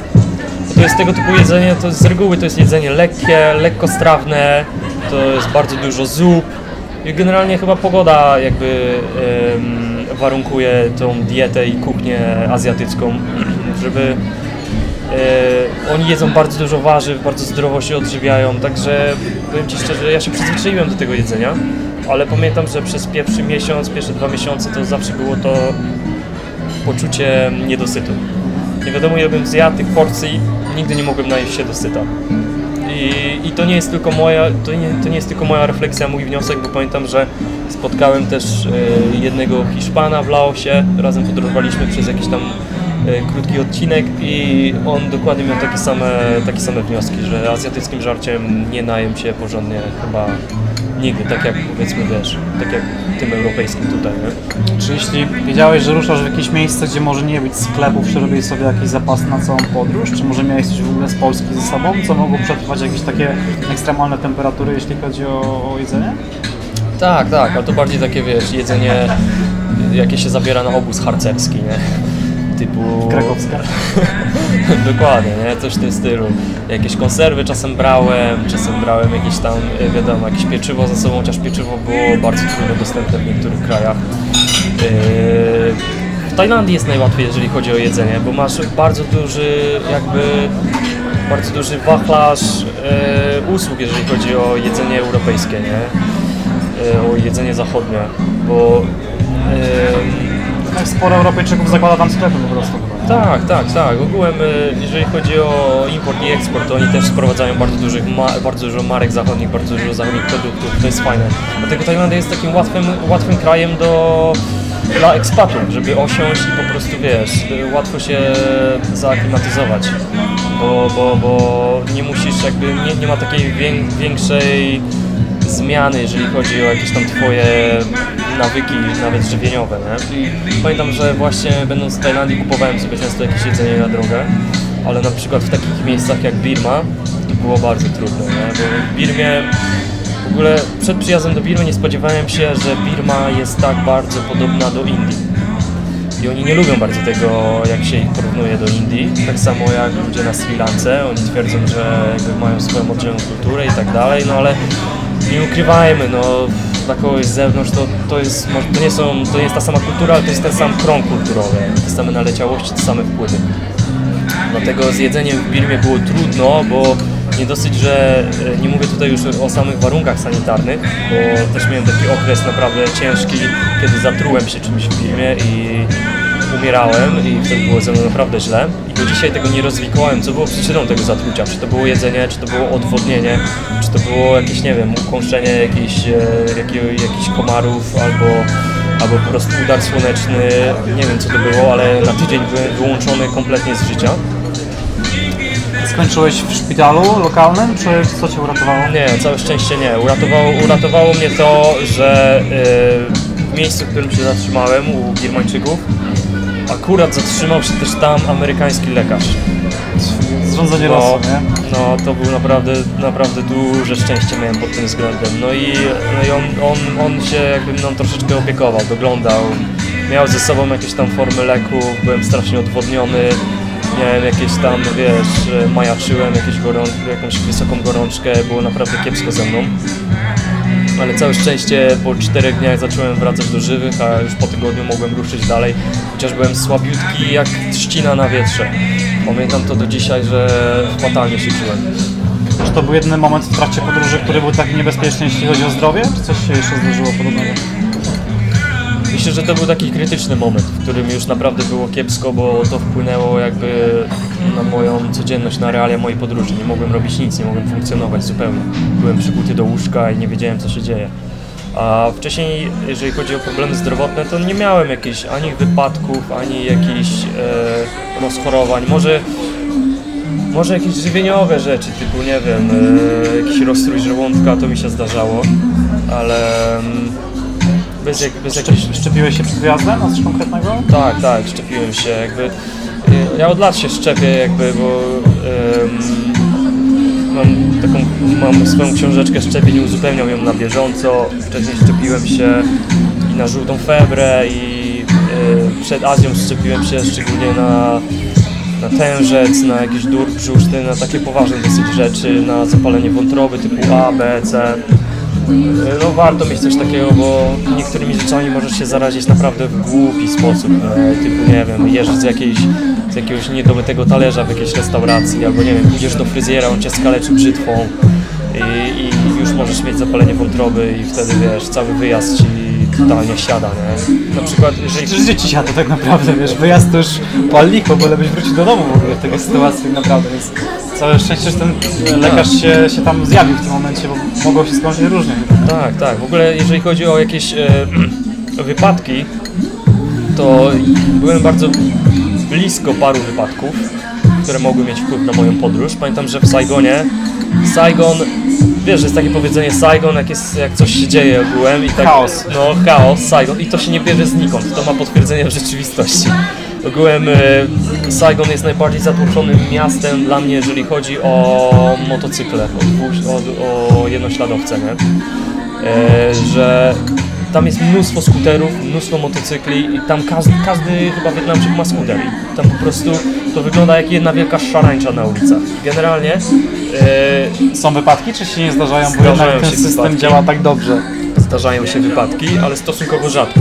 No i oczywiście zamówiłem sobie taką skuterową taksi powiedzmy. Eee, no i gościu pieprznął w drugiego gościa, wyobraź sobie, prawie zleciałem z tego skutera. Ale całe szczęście utrzymał równowagę, ale pamiętam to, że kurde życie stanęło mi przed oczami, bo na pełnej prędkości nagle zahaczył o czyjąś kierownicę, jemu zaczęła się chwiać kierownica, złapałem się, się gościa, myślałem, że wylecę tam i wiesz, wpadnę pod samochód, także przez, przez jakby nieuwagę kierowcy mogłem sobie totalnie, wiesz, spieprzyć cały wyjazd. Drugą taką rzeczą, która mi się zdarzyła, ale to moja głupota wtedy była, e, w ogóle śmiesznie brzmi teraz, ale to było tak, że to było w Wietnamie, to było w Dalat, taka górska mała miejscowość. Ogólnie bardzo ciekawa miejscowość, bo założona przez francuskich misjonarzy gdzieś wysoko w górach, także e, niedaleko Saigonu, to jest około 2 godziny drogi. Saigon e, charakteryzuje się takim tropikalnym na maksa klimatem, gdzie masz 40-stopniowe upały i wiesz, taki, czujesz się jakbyś był w takiej dżungli jest taki ukrop, taka wysoka wilgotność, a Dalat, które jest położone zaledwie 2 km, 2 godziny drogi, sorry, jakieś tam nie wiem, 200 km czy ileś od Saigonu, e, z racji tego, że jest tak wysoko położone, charakteryzuje się już zupełnie innym klimatem. Jest o wiele chłodniej i mało tego, Francuzi założyli tę miejscowość, kiedy Wietnam był kolonią, także wjeżdżasz tam i widzisz jakieś takie stare francuskie rezydencje, francuskie kolonie i czujesz się troszeczkę tak, jakbyś był w jakiejś miejscowości w Alpach, tylko że z takim, no, wietnamskim e, klimatem, wietnamskim smakiem, nie? Ty, typu, że masz wietnamskie knajpy i tak dalej, infrastrukturę, ale to jest górska miejscowość i e, kiedy byłem właśnie w tym Dalat, tam jest dosyć dużo wodospadów, które warto zobaczyć i żeby zobaczyć te wodospady trzeba udać się jeszcze poza to miasteczko, powiedzmy tam, nie wiem, 20 km czy tam 10 km. Wyobraź sobie, że łapałem lokalnego busa no i często jest tak, że jak jeździsz przez góry, no to poruszasz się po serpentynach, nie? Co jest strasznie uciążliwe. Zdarzyło się tak, że y, musiałem wysiąść w pewnym momencie, bo już dojechaliśmy na miejsce. Nie wysiadał, nie wysiadał chyba nikt oprócz mnie. I zawołałem do tego kierowcy, że to jest mój przystanek i że wysiadam. I gość powiedział, okej, dobra, dobra, dobra. I zaczął zwalniać, ale tak naprawdę zwalnia, zwalnia, zwalnia i w ogóle się nie zatrzymuje. I zastanawiam się o co chodzi. Już prawie przejeżdżamy obok tego przystanku i myślę sobie, kurde, zaraz gościu mi spieprzy stąd i w ogóle pojedziemy dalej, nie? Drzwi się otworzyły, a on cały czas zwalnia i wiesz, i się nie zatrzymuje w miejscu. To stwierdzę sobie, dobra, już chyba jest tak wolno, okej, dobra. Stary, wyskoczyłem z tego autobusu, nie? Wyskoczyłem z tego autobusu i jak mnie zachwiało, jak straciłem równowagę. W ogóle pierwszy raz takie coś mi się zdarzyło. Myślałem, że przekręciła mi się kostka i w ogóle, że skręcę sobie nogę, nie? I, I w ogóle człowiek nie myśli, to są ułamki sekund, bo łapiesz równowagę, próbujesz wylądować, a autobus dalej, dalej jedzie i dopiero zatrzymał się po jakieś tam, nie wiem, po, po minucie czy tam po 30 sekundach, a ja już wyskoczyłem, przekręciłem sobie tę kostkę i w pewnym momencie dopiero jak ledwo złapałem równowagę, myślałem, że wyrżnę orła totalnie w długi, no całe szczęście nic się nie stało. Jakoś się uratowałem przed upadkiem, ale sam fakt, że wiesz, chwila nieuwagi, noga skręcona i w tym momencie co robię? No, pakują mi w wietnamskim szpitalu do gipsu na 3 tygodnie i co? I kontynuuję podróż, 3, tyg- trzy tygodnie siedzę w Dalat, w tym kurorcie wypoczynkowym i się leczę i no, w ogóle bez sensu. Co z rehabilitacją? Nie, w ogóle wiesz, a to był początek mojej, może nie początek, ale no tak nie wiem, z jedna trzecia mojej podróży, bo to był dopiero Singapur, y, Malezja, Tajlandia i, i wjeżdżałem do Wietnamu, czyli jeszcze cała Azja Południowo-Wschodnia, całe Indochiny, Birma, Chiny zostały. Także stwierdziłem, że po tym wydarzeniu, że muszę troszeczkę być bardziej rozsądny, że muszę troszeczkę przykuwać uwagę do takich y, głupich, śmiesznych, małych rzeczy, które mogą mieć kolosalne konsekwencje zdrowotne na przyszłość. Nie? Też często mi się zdarzało na przykład w Malezji tak, że wchodząc na autostradę, autostop to też jest powiem Ci kwestia bezpieczeństwa. To nie tylko o to chodzi, że nie wiem, wsiadamy e, z obcą osobą do, jakiejś, do, do do samochodu i dzielimy z nim y, jakby tam, wiesz, przestrzeń i jedziemy w nieznane, to nie tylko o to chodzi. Chodzi bardziej o to, o to jak się właśnie poruszasz jako pieszy na autostradzie czy na zatłoczonych ulicach, między samochodami. Bardzo często mi się zdarzało tak, że mogłem być potrącony bardzo łatwo, albo przez skutery, albo przez jakieś samochody. Czasami zdarzało mi się tak, że policjanci mnie ściągali z autostrady, policjant zatrzymywał ruch, powiedzmy, nie wiem, stawało wtedy 10-20 samochodów. Idealny moment na stopa. Jak sobie teraz o tym pomyślę, to to jest takie w ogóle, wiesz, krępujące i aroganckie, że jakiś białas przyjechał sobie z Europy i policja musi wchodzić na środek autostrady, żeby go ściągnąć, żeby nic mu się nie stało. Tak, tak, takie to jest głupie, jak teraz sobie o tym pomyślę, no ale wiesz, człowiek jakby jest wtedy w potrzebie, jest w żywiole i nie myśli za bardzo o tym, wiesz, co, co będzie i czy to będzie miało takie aż konsekwencje, nie? Poza tym ja, ja nie chciałem, żeby ten policjant zatrzymywał ten ruch, bo to była jego inicjatywa. On mnie ściągał tam przez całą autostradę, mnie przeciągał i wtedy pamiętam, że no to wtedy było w tych sytuacjach, kiedy chcieli brać mnie na komisariat, nie? Wypytywali mnie o różne rzeczy, skąd jestem, dokąd jadę i tak dalej. Takie mini przesłuchanie na autostradzie, niezbyt sympatyczne. E, no, ale właśnie tego typu kwest, kwestia bezpieczeństwa to jest dosyć ważne, nie? jeżeli chodzi o podróżowanie autostopem. Okej. Który kraj Cię najbardziej zaskoczył, jeśli chodzi o całą podróż, który Cię najbardziej rozczarował? Zaskoczył pozytywnie oczywiście. Tak, tak. Powiem tak, e, ze wszystkich odwiedzonych krajów ja za bardzo nie lubię mówić o negatywnych rzeczach. I zawsze jestem powściągliwy, jeżeli chodzi o negatywne rzeczy, a szczególnie jeżeli ktoś lokalny mnie pyta. W ogóle nie rozumiem tego, jak można, jakby można być tak brutalnym, brutalnie szczerym wobec kogoś, kto jest z tego kraju i mówić mu jakieś nieprzyjemne rzeczy o kraju. Dla mnie to jest straszne, to jest pierwsze aroganckie, niekulturalne, to, to, to źle świadczy i o tobie. Ja rozumiem, że można e, mieć swoją opinię na dany temat i można też jakoś ją subtelnie wyrazić, prawda? Skupić się na pozytywach, ale może też coś wspomnieć, że tutaj niekoniecznie taka rzecz mi się podoba. No to też zależy w jakiej relacji jesteśmy ze swoim rozmówcą. Na przykład e, no i właśnie jeżeli chodzi o te takie negatywne odczucia, to niestety nie mogę powiedzieć za dużo dobrych rzeczy o Laosie. Wydaje mi się, że każdy podróżnik ma taki punkt swojej wyprawy, jakiś taki czarny punkt na mapie, gdzie albo mu było bardzo trudno, albo bardzo ciężko, albo spotkały go jakieś nieprzyjemne sytuacje i w moim przypadku akurat to był Laos. Nic tragicznego się tam nie działo, nie mogę tutaj, wiesz, snuć jakiejś nie wiadomo niestworzonych historii na temat Laosu, że zrobiono mi tam jakąś krzywdę czy coś, bo, bo nic takiego strasznego się nie działo, ale w porównaniu do innych krajów bardzo się tam męczyłem. To też wynikało oczywiście z tego, że podróżowałem na stopa jakby, nie? bo y, podróż y, autostopem, y, autostopem przez Laos jest To każdy musi wiedzieć, kto tam wyrusza. Jeżeli będziesz się poruszać stopem przez Laos, musisz przygotować się na najgorsze. Po pierwsze, ludzie nie zwracają na ciebie najmniejszej uwagi na, na, na drodze. Bardzo często mi się zdarzało, że był ruch jak cholera, po prostu mnóstwo samochodów jechało i bardzo dużo w ogóle chińskich samochodów tam jest, chińskich kierowców, bo Laos jest takim miejscem, w którym e, bardzo dużo inwestycji chińskich obecnie e, się dzieje. Bardzo dużo Chińczyków przyjeżdża, żeby odwiedzać Laos z tej południowej prowincji Yunnan, bo dla nich to jest trochę egzotyczne, także bardzo dużo widziałem e, takich lepszych samochodów na takich niebieskich rejestra- rejestracjach, to już widać było, że to jest jakaś rodzina chińska czy coś. Też parę razy mi się zdarzyło, że akurat jedna rodzina chińska zabrała mnie ze sobą do Luang Prabang, pamiętam. Spędziliśmy naprawdę fajne trzy godziny, bo tam mieli takie małe dzieci, jakieś tam, nie wiem, dwulatek był jeden, który, yy, który zaczął nazywać mnie wujkiem, także to było fajne, nie? Jeżeli chodzi o Chińczyków, to, to jest fajne, że oni przełamują bariery, e, wobec obcokrajowców w taki sposób, że wprowadzają takie e, swojskie nazewnictwo. E, Przylepiają ci łatkę członka rodziny, czyli ktoś jest, kto, jakaś obca dziewczyna jest ciocią, jaka, jakiś obcy, obcy gościu jest wujkiem, no i właśnie ja zostałem wujkiem, nie?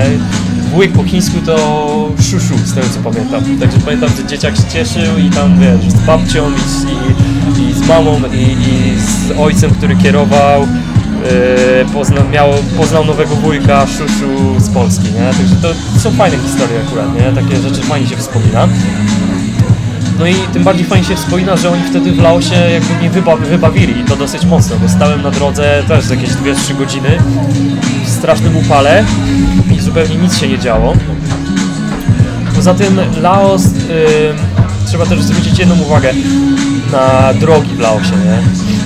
Drogi w Laosie to często to są jakieś takie ubite na ziemi, nie wiadomo co, szczególnie w północnym Laosie, gdzie tam jest naprawdę skrajna bieda. Ludzie żyją bez prądu, w jakichś zabitych dechami, klitkach, kąpią się w jeziorach i stawach, bo nie mają bieżącej wody tam drogi to są po prostu jakieś takie klepiska, wiesz, żadnego asfaltu, żadnego betonu, nic zupełnie i to są serpentyny między, między potężnymi górami, nie? potężnymi zielonymi wzgórzami, także po pierwsze podczas drogi bardzo często y, ludziom dokucza jakieś właśnie mdłości, rozstrój żołądka i tak dalej, to też mi dokuczało przez jakiś czas.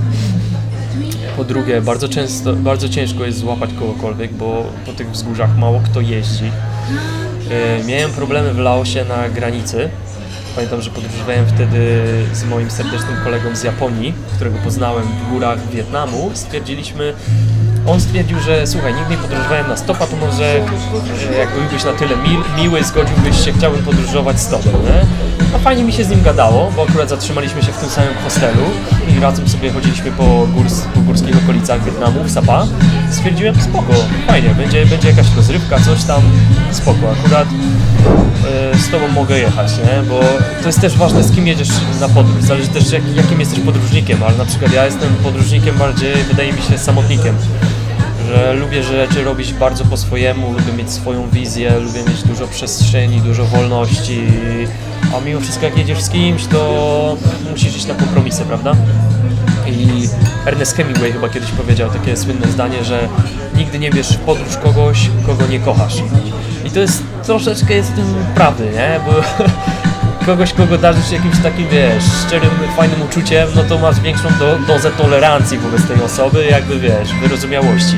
Także możecie iść na kompromisy, możecie e, jakoś zawsze się dogadać. A jeżeli jedziesz z totalnie obcą osobą, tylko dlatego, żeby jechać, bo ten ktoś też podróżuje, to może być różnie, nie? Może być różnie, ale akurat Japończycy są taką nacją ogółem, oni bardzo dużo podróżują. To jest nacja, którą najczęściej spotykałem w swojej podróży, właśnie Japończyków. Może też Amerykanów, Australijczyków, ale Japończycy to najczęściej i oni okazywali się bardzo fajnymi podróżnikami, bo z reguły to są ludzie bardzo tacy refleksyjni, troszeczkę wyciszeni, z otwartą głową, z szerokimi horyzontami i bardzo często znajdowaliśmy wspólną płaszczyznę, jeśli chodzi o pobyt w danym miejscu. No i pamiętam, że właśnie przejeżdżaliśmy przez Laos z moim serdecznym kolegą i mieliśmy różne tam przygody naprawdę i niefajne, bo byliśmy sami w górach, my myśleliśmy, że będziemy nocować w tych górach z dala cywilizacji, bez jedzenia i bez zapasów za bardzo. Wietnamczycy nam troszeczkę pomogli wtedy też. Eee, pamiętam, że miałem namiot, to było jedno pocieszenie, właśnie ten namiot znowu mnie ratował i teraz też mojego kolegę, że jak coś, to mamy namiot, zatrzymamy się gdzieś w górach, przeczekamy do rana, może rano będzie jakiś e, autostop, ale okazało się, że tam nie wiem, po godzinie czekania ktoś się odnalazł, Wietnamczyk nam pomógł i przeprawiliśmy się razem z nim przez granicę, no ale na granicy też, nie, też e, niefajna historia była, bo granica okazała się być okup- okupowana przez jakichś takich lokalnych gangsterów i naprawdę niefajna historia, bo chcieli od nas łapówki. No i niestety tutaj wiesz, e, umiejętności dyplomacji wtedy musiały zadziałać. Całe szczęście wszystko dobrze się skończyło po jakimś tam dłuższym czasie, ale co się najedliśmy stresu, to nasze. E, e, no i pamiętam, że jak przeprawialiśmy się przez ten Laos, to jak dojechaliśmy na północ do, do pewnej miejscowości na północy, w pewnym momencie się rozdzieliliśmy. Z samego rana ja ruszyłem dalej autostopem, a mój kolega japoński on spłynął barką w dół Mekongu do samej e, stolicy Vientiane w Laosie. I pamiętam, że spotkaliśmy się dopiero w Chiang Mai w Tajlandii po paru tygodniach, bo okazało się, że zgadliśmy już wcześniej, że on też jedzie do Chiang Mai, ale on chciałby spłynąć Mekongiem. Dobra, spoko, ja raczej będę trzymał się dróg, także jak dotrzesz albo do Vientiane, albo do Chiang Mai, no to zgadamy się albo na Facebooku, albo przez maila i spotkamy się, wiesz, w jakimś innym miejscu. Wyobraź sobie, że te wszystkie przygody, które przeżyliśmy po drodze, tak scementowały tą naszą znajomość, naszą przyjaźń, że jak spotkaliśmy się w Tajlandii po 3 czy 4 tygodniach, prostu czułem się jakbym, wiesz, spotkał mojego jakiegoś starszego brata, którego nie widziałem 5 lat, wiesz, to jest fenomenalne, że w podróży można nawiązać naprawdę fajne, wartościowe znajomości. Do dzisiaj mam z nim kontakt, nie? To jest super historia. Tak, Miałem o to pytać później, ale teraz jest dobry moment. Czy zdarzyło Ci się właśnie poznać jakichś takich naprawdę fajnych, wartościowych ludzi w podróży i jak w ogóle e, turyści podróżujący, tacy typowi backpackersi, jak oni się traktują wzajemnie? Czy to jest jakiś rodzaj rywalizacji, czy ra, ra, raczej pomoc wzajemna i radzenie sobie wzajemnie? Jak to wygląda? Wydaje mi się, że wszystko zależy od typu podróżnika albo, wiesz, podróżującego. Bo, są podróżnicy i są również turyści, nie? I są ludzie, którzy typowo przyjeżdżają w dane miejsce tylko i wyłącznie na imprezę, no i spoko, tak to się często dzieje na przykład w Tajlandii. Także, ale są ludzie, którzy jakby przyjeżdżają w dane miejsce, żeby poznać kulturę, nie wiem, język, e, tradycje, zwyczaje, obyczaje danej tam, wiesz, lokalców. I właśnie w tej drugiej grupie, y, z mojego doświadczenia, można nawiązać jakieś naprawdę wartościowe znajomości. I tak często było, że jeżeli y, pozna, poznawałem kogoś, fajnie mi się z nim gadało, że y, była jakaś, wiesz, wymiana doświadczeń, ktoś był w danym miejscu, w danym miejscu ja byłem, mogliśmy sobie opowiadać różne historie. I mało tego, jeżeli ruszaliśmy gdzieś w y, podobne miejsca, to zawsze zgrywaliśmy się i stwierdziliśmy, że możemy sobie ruszyć razem, bo razem raźniej będzie się też do kogo odezwać, jakby wiesz, o wiele będzie fajniej. Także yy, tak, często mi się zdarzało nawiązywać jakieś fajne znajomości i, i większość z nich przetrwała do dzisiaj, nie? Na przykład właśnie ten Japończyk, z którym podróżowałem przez pół Laosu, yy, Hiszpan, yy, który również, z którym również podróżowałem przez yy, południe Laosu z kolei. Okazało się, że wyobraź sobie, że było w Ula- w Luang Prabang, czyli starej stolicy Laosu. Opuści, opuściłem to miejsce, nie wiem, jakieś może 2-3 km ruszyłem poza miasto na wylotówkę, żeby złapać autostop. Zatrzymuje się przede mną samochód. Patrzę w środku jakaś laotańska rodzina i jakiś biały gościu siedzi sobie, nie? Tak się zastanawiam, kurde, czy to jakaś rodzina jest, czy w ogóle odwiedziny jakieś, czy coś? Dosiadam się, okazuje się słowo po słowie, że jedziemy w to samo miejsce i że to jest Hiszpan, który po prostu złapał tego samego stopa, jakiś, nie wiem, kilometr przede mną, po prostu później wyruszył i stanął sobie jakoś, wiesz, za mną. Ja przeszedłem obok tej stacji benzynowej, on się zatrzymał obok tej stacji benzynowej i tam zaczął łapać stopa. No i właśnie tak e, razem e, nawiązaliśmy jakąś e, znajomość, później też się rozstaliśmy, a najlepsze jest to, że też się spotkaliśmy w Vientiane, w stolicy Laosu, ale wyobraź sobie całkowitym przypadkiem, bo nie zdążyliśmy zabrać swoich kontaktów, a w Vientiane jest taka, taki, taki słynny monument, ona się nazywa Czarna Stupa, Taka legenda jest, że tam jest pochowany smok w ogóle pod tą czarną stupą. On bronił kiedyś Laotańczyków przed e, najazdem sąsiednich krajów, Syjamu, czyli, czyli obecnej Tajlandii. E, e, i, pewnego popołudnia ruszyłem po prostu w to miejsce, żeby sobie zobaczyć tą czarną stupę. Tak siedzę sobie, patrzę na mapę, patrzę na ten opis, jest czarna stupa przede mną, nagle słyszę Hello, odwracam się, o kurde. Wiesz, w ogóle takie, takie spotkanie totalnie randomowe, ale fajna historia, nie? Także takie historie mi się zdarzały. I to jest fajne, bo nawet, tak jak mówię, nawet dzisiaj możemy się wymieniać jakimiś doświadczeniami i regularnie gadamy, co tam słychać u nas. Jeden, jeden Japończyk, ten, ten, u którego zatrzymałem się w Iranie, o tej akcji z policją, wyobraź sobie, on, y, on chyba robi doktorat, y, on w ogóle studiował w, w Teheranie. Z tego co pamiętam, on teraz wrócił do Tokio, y, kończyć swój doktorat. I pamiętam, że był na jakiejś konferencji tutaj w Polsce. Napisał do mnie, nie wiem, jakieś tam dwa tygodnie przed, czy aktualnie jestem w Polsce, akurat złożyło się, że tak. I powiedział mi, że jest na konferencji organizowany, organizowanej przez Uniwersytet Jagielloński w Krakowie, gdzie jesteśmy dzisiaj. Także będzie okazja, żeby się spotkać. No i wiesz, i spotkaliśmy się, zgadaliśmy się o danej godzinie, usiedliśmy sobie na rynku. Super historia, Taki, taki background mamy, te różne miejsca, jakieś takie, wiesz, teherańskie muzea czy teherańskie jakieś domy Irańczyków, które odwiedzaliśmy, jego znajomych tam w Teheranie, kompletnie inny świat. A teraz nagle siedzimy sobie i pijemy piwko tutaj w Krakowie. Legalnie pijemy piwko, powtarzam, bo w Iranie to różnie z tym bywało. A wiesz, e, tam ogólnie alkohol jest e, zakazany oficjalnie przez prawo. No, skoro poruszyliśmy wątek e, irański i na przykład e, wątek norm społecznych w Iranie i różnych regulacji, e, no to oczywiście w Iranie jest ogólno, ogólny zakaz spożywania alkoholu. Całkowita prohibicja, czy, czy Tak, tak. są jakieś wyjątki? Nie, nie, nie ma żadnych wyjątków z tego co się orientuję. Także w sklepie alkoholu zupełnie ani się nie dostanie, ani się nie kupi oficjalnie. Oczywiście mówię tutaj o oficjalnym obiegu. Eee, No i co, Irańczycy mają coś takiego, takie swoje własne, rodzime produkty, jak tam piwo bezalkoholowe, co tak naprawdę nie smakuje jak piwo, tylko jak taki, wiesz, jakiś tam soczek, ratlerek, nie wiadomo co. No, ale ogólnie jeżeli chcemy się napić alkoholu, to oficjalnie będzie z tym problem. Mimo to Teheran jest bardzo imprezowym miastem, nie? O, o, Teheranie to już chodzą legendy, całe miasto huczy od tego, że to jest bardzo melanżowe miasto i troszeczkę tak jest. Bo W takim razie gdzie? Jak nie w klubach? Generalnie z tego co się orientuję, to Irańczycy e, produkują alkohol sami, na własną rękę.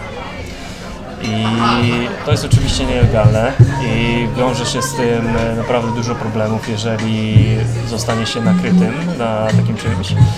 Ale e, nie chcę tutaj rzucać e, imionami ani nazwiskami, ale akurat e, zdarzyło mi się uświadczyć takiej irańskiej gościnności u znajomego, który sam produkował wino, z tego co pamiętam. No i pamiętam, że to były fajne imprezy, fajne domówki. I wyobraź sobie, nawet na tych domówkach był przemycany bekon, czyli no boczek, tak, smażony boczek, co jest totalnie nielegalne w Iranie i, i bo wieprzowina wiadomo, kraj muzułmański.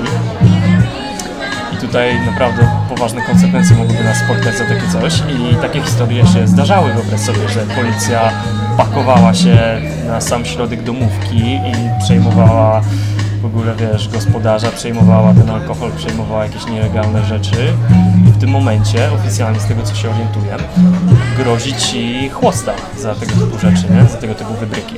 To jest oficjalny przepis.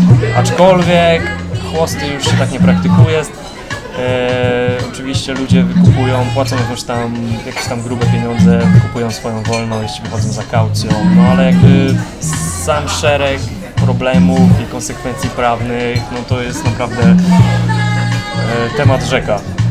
Nie ma takich problemów, że ludzie na siebie wzajemnie donoszą w Iranie? Nie, raczej nie, raczej nie, nie ma takich problemów. Podejrzewam, że jak jest impreza, to to słychać, nie? Tak, Ja- słychać, słychać. Ktoś naprawdę, mu, musisz komuś naprawdę zajść za skórę, żeby ktoś na ciebie doszedł. I Irańczycy mają z reguły taką mentalność, że raczej starają się sobie pomagać nawzajem. To jest troszeczkę, troszeczkę może tak jak u nas za komuny, chociaż u nas za komuny też zdarzały się donosy oczywiście. Tak, tak, tak, tak, tak, ale, ale to nie, to, to, to nie jest his, irańska wersja historii. Tutaj raczej działa to w dobrą stronę, że społeczeństwo raczej pod tym pręgierzem władzy się jednoczy i stara sobie pomóc, a nie jakoś donosi na siebie i kopie pod kimś dołki. Także to jest całkiem fajne. Na przykład wiesz, istnieje coś takiego, wszystko zależy od miejsca tak naprawdę, nie? Teheran jest olbrzymim miastem i tam bardzo dużo rzeczy ujdzie ci na sucho, bez dwóch zdań. Ale są mniejsze miejscowości, są miasteczka, są wioski, gdzie nadal funkcjonuje coś takiego jak e, policja obywatelska, z tego co, co mi wiadomo. I na przykład tego typu takie wrażliwe historie, delikatne, jak e, kontakty damsko-męskie. Nie mówię tutaj z mojej perspektywy obcokrajowca, tylko nawet z perspektywy Irańczyków. Oni oficjalnie nie mogą randkować. Nie możesz mieć chłopaka, nie możesz być w związku, oficjalnie chodzić za rękę, Eee, i wiesz, i obnosić się z tym, bo mówię tutaj o mniejszych miejscowościach, bo w mniejszych miejscowościach może zdarzyć się tak, że zaczepi cię policjant i będzie chciał na przykład jakiegoś potwierdzenia waszego związku, czy jesteście parą małżeńską, czy, czy co tu w ogóle, co, co to jest za zajście, W dlaczego... takim razie w Iranie się od razu przychodzi od nieznajomości do małżeństwa? Tak ustawowo, przepisowo? No, generalnie z tego co się orientuję są jakieś schadzki w towarzystwie rodzin i tak dalej, w sensie wiesz, zapraszanie do domów, to jest moja rodzina, wiesz, takie na maksa oficjalne rzeczy. a takie spotykanie się sam na sam, no religia zabrania totalnie takich rzeczy. Mimo to Irańczycy radzą sobie, nie? Z, jakby kombinują i, i, i znam takie historie, że często randki są na jakichś pustyniach, w totalnych pustkowiach, e, w jakichś, nie wiem, e, mieszkaniach znajomych, ludzie się spotykają, żeby zaznać chwilę prywatności, żeby mieć tylko czas dla siebie. Także mimo wszystko, że jest ten nakaz z góry, to w swoim obiegu jakoś to, to życie towarzyskie funkcjonuje i, i Irańczycy dają sobie na, na pewno radę. Nie? Czy Iran jest największym pozytywnym zaskoczeniem tego twojego wyjazdu? Myślę, że tak. Myślę, że tak. E, Iran, Iran jest takim krajem, em, jeżeli poczytasz o Iranie i o jego rzekomej gościnności, to jest to miejsce owiane legendą. E, Bo ja czytałem w różnych miejscach jakieś tam relacje z Iranu i każdy zachwalał bardzo Iran, że to są otwarci ludzie i tak dalej. I zastanawiałem się, czy to rzeczywiście ma przełożenie na rzeczywistość, czy po prostu ci ludzie nie przesadzają z tym opisem, ale teraz mogę potwierdzić z tego miejsca, że to jest 100% prawdy i mało tego, cokolwiek prze, przeczytasz, jeżeli pojedziesz na jakiś dłuższy czas do Iranu, to to Iran jeszcze i tak Cię zaskoczy, jakby będzie i tak lepiej niż ten opis, który przeczytałeś, wiesz, gdzieś tam e, z drugiej ręki od kogoś. Iran to jest kraj, w którym spełnia się sen podróżnika włóczęgi, czyli takiego kogoś jak ja. To jest kraj, w którym obcy ludzie e, otwierają się przed Tobą, zapraszają Cię do swoich domów i zapraszają Cię na kilkudniową gościnę.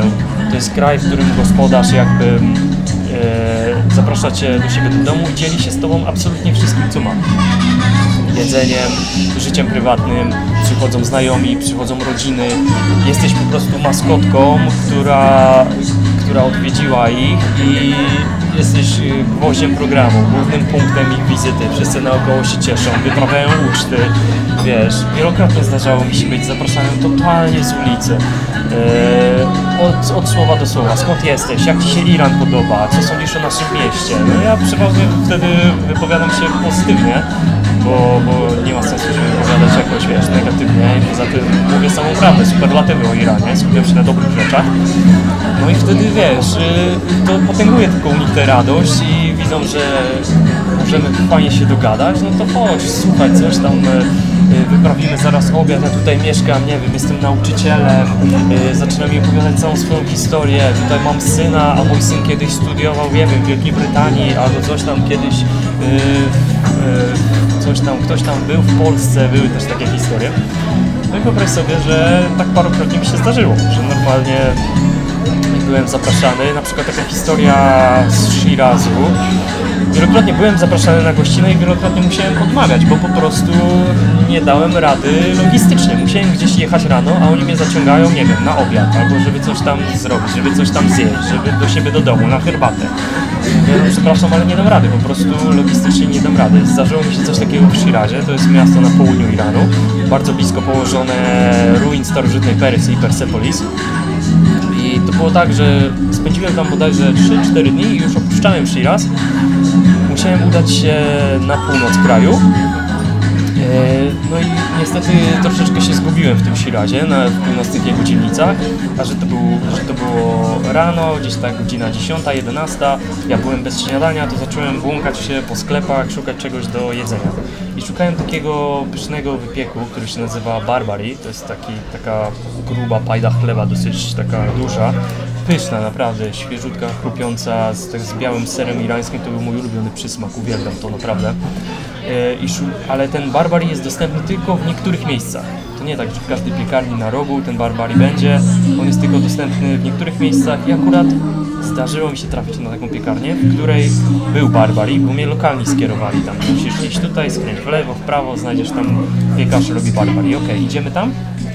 Okazało się, że piekarnia jest zamknięta. Jest już 11, a piekarnie są tam otwarte powiedzmy nie wiem od 8 do 10, czy tam do 10.30. Yy, później są zamykane i gościu nie wiem, wraca po południu czy tam coś. Nie? Jakieś tam ograniczone jest yy, ograniczone godziny pracy. I wyobraź sobie, że pukam do tej piekarni, widzę, że ktoś tam jest w środku, widzę, że tam jest jakiś gościu ubrany na biało, wysmarowany mąką.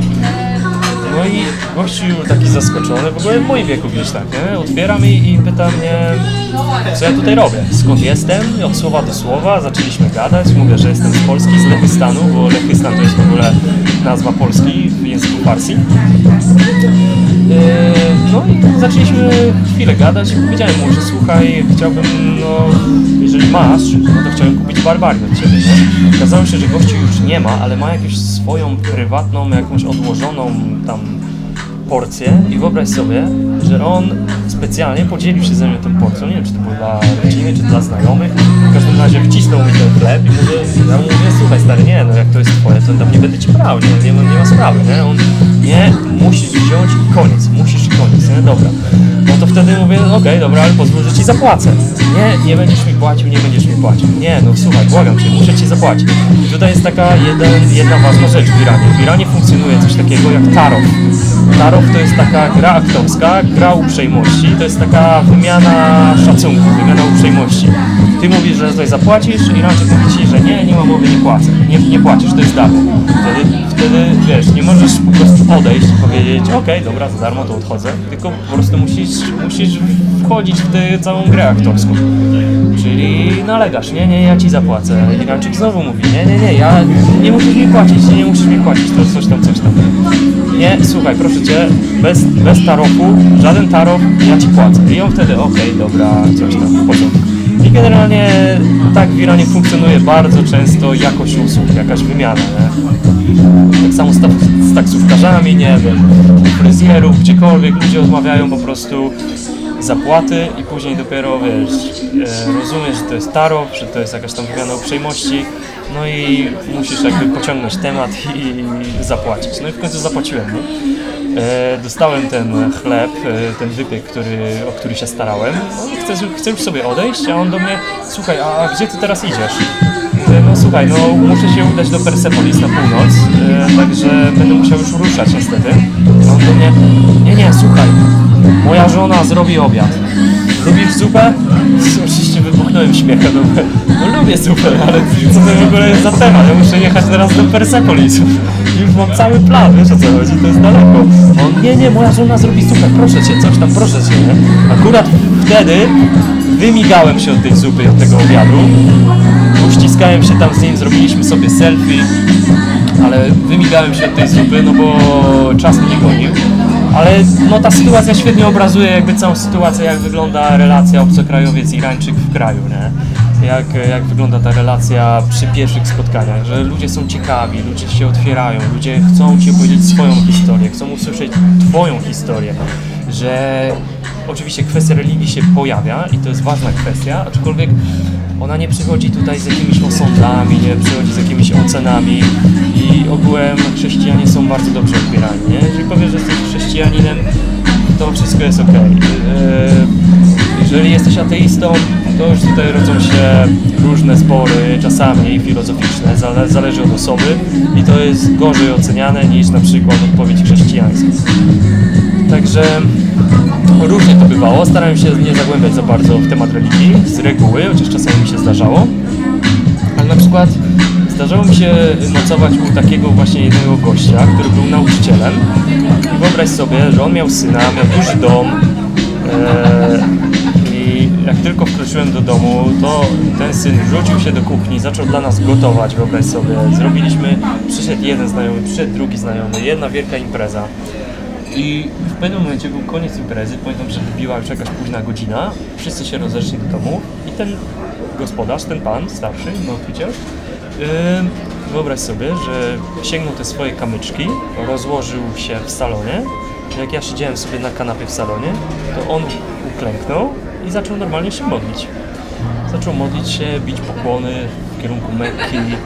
I powiem Ci szczerze, że na początku to trochę było dla mnie niekomfortowe, w sensie nie tyle, że że, że, że, że, to jest muzułmanin, no bo że jestem na Bliskim Wschodzie i że wiesz, e, jest ta cała otoczka a propos e, muzułmańskiej kultury i religii, ekstre, ekstremizmu i tak dalej. Nie o to mi chodziło, bardziej chodziło mi o taką jakby formę intymności, że ktoś jakby dzieli z tobą przestrzeń i nagle zaczyna się przy tobie modlić na twoich oczach Ja zawsze jestem zdania, że takie rzeczy powinny być trochę bardziej prywatne, bardziej intymne, a tutaj nagle zostawiłem postawiony przed taką sytuacją i za bardzo, wiesz, nie wiedziałem jak się zachować, ale okej, zachowałem spokój, nie ma problemu. Wiesz, gościu odprawił swoje modły, bardzo sumiennie, bardzo porządnie, jak widać, z pasją.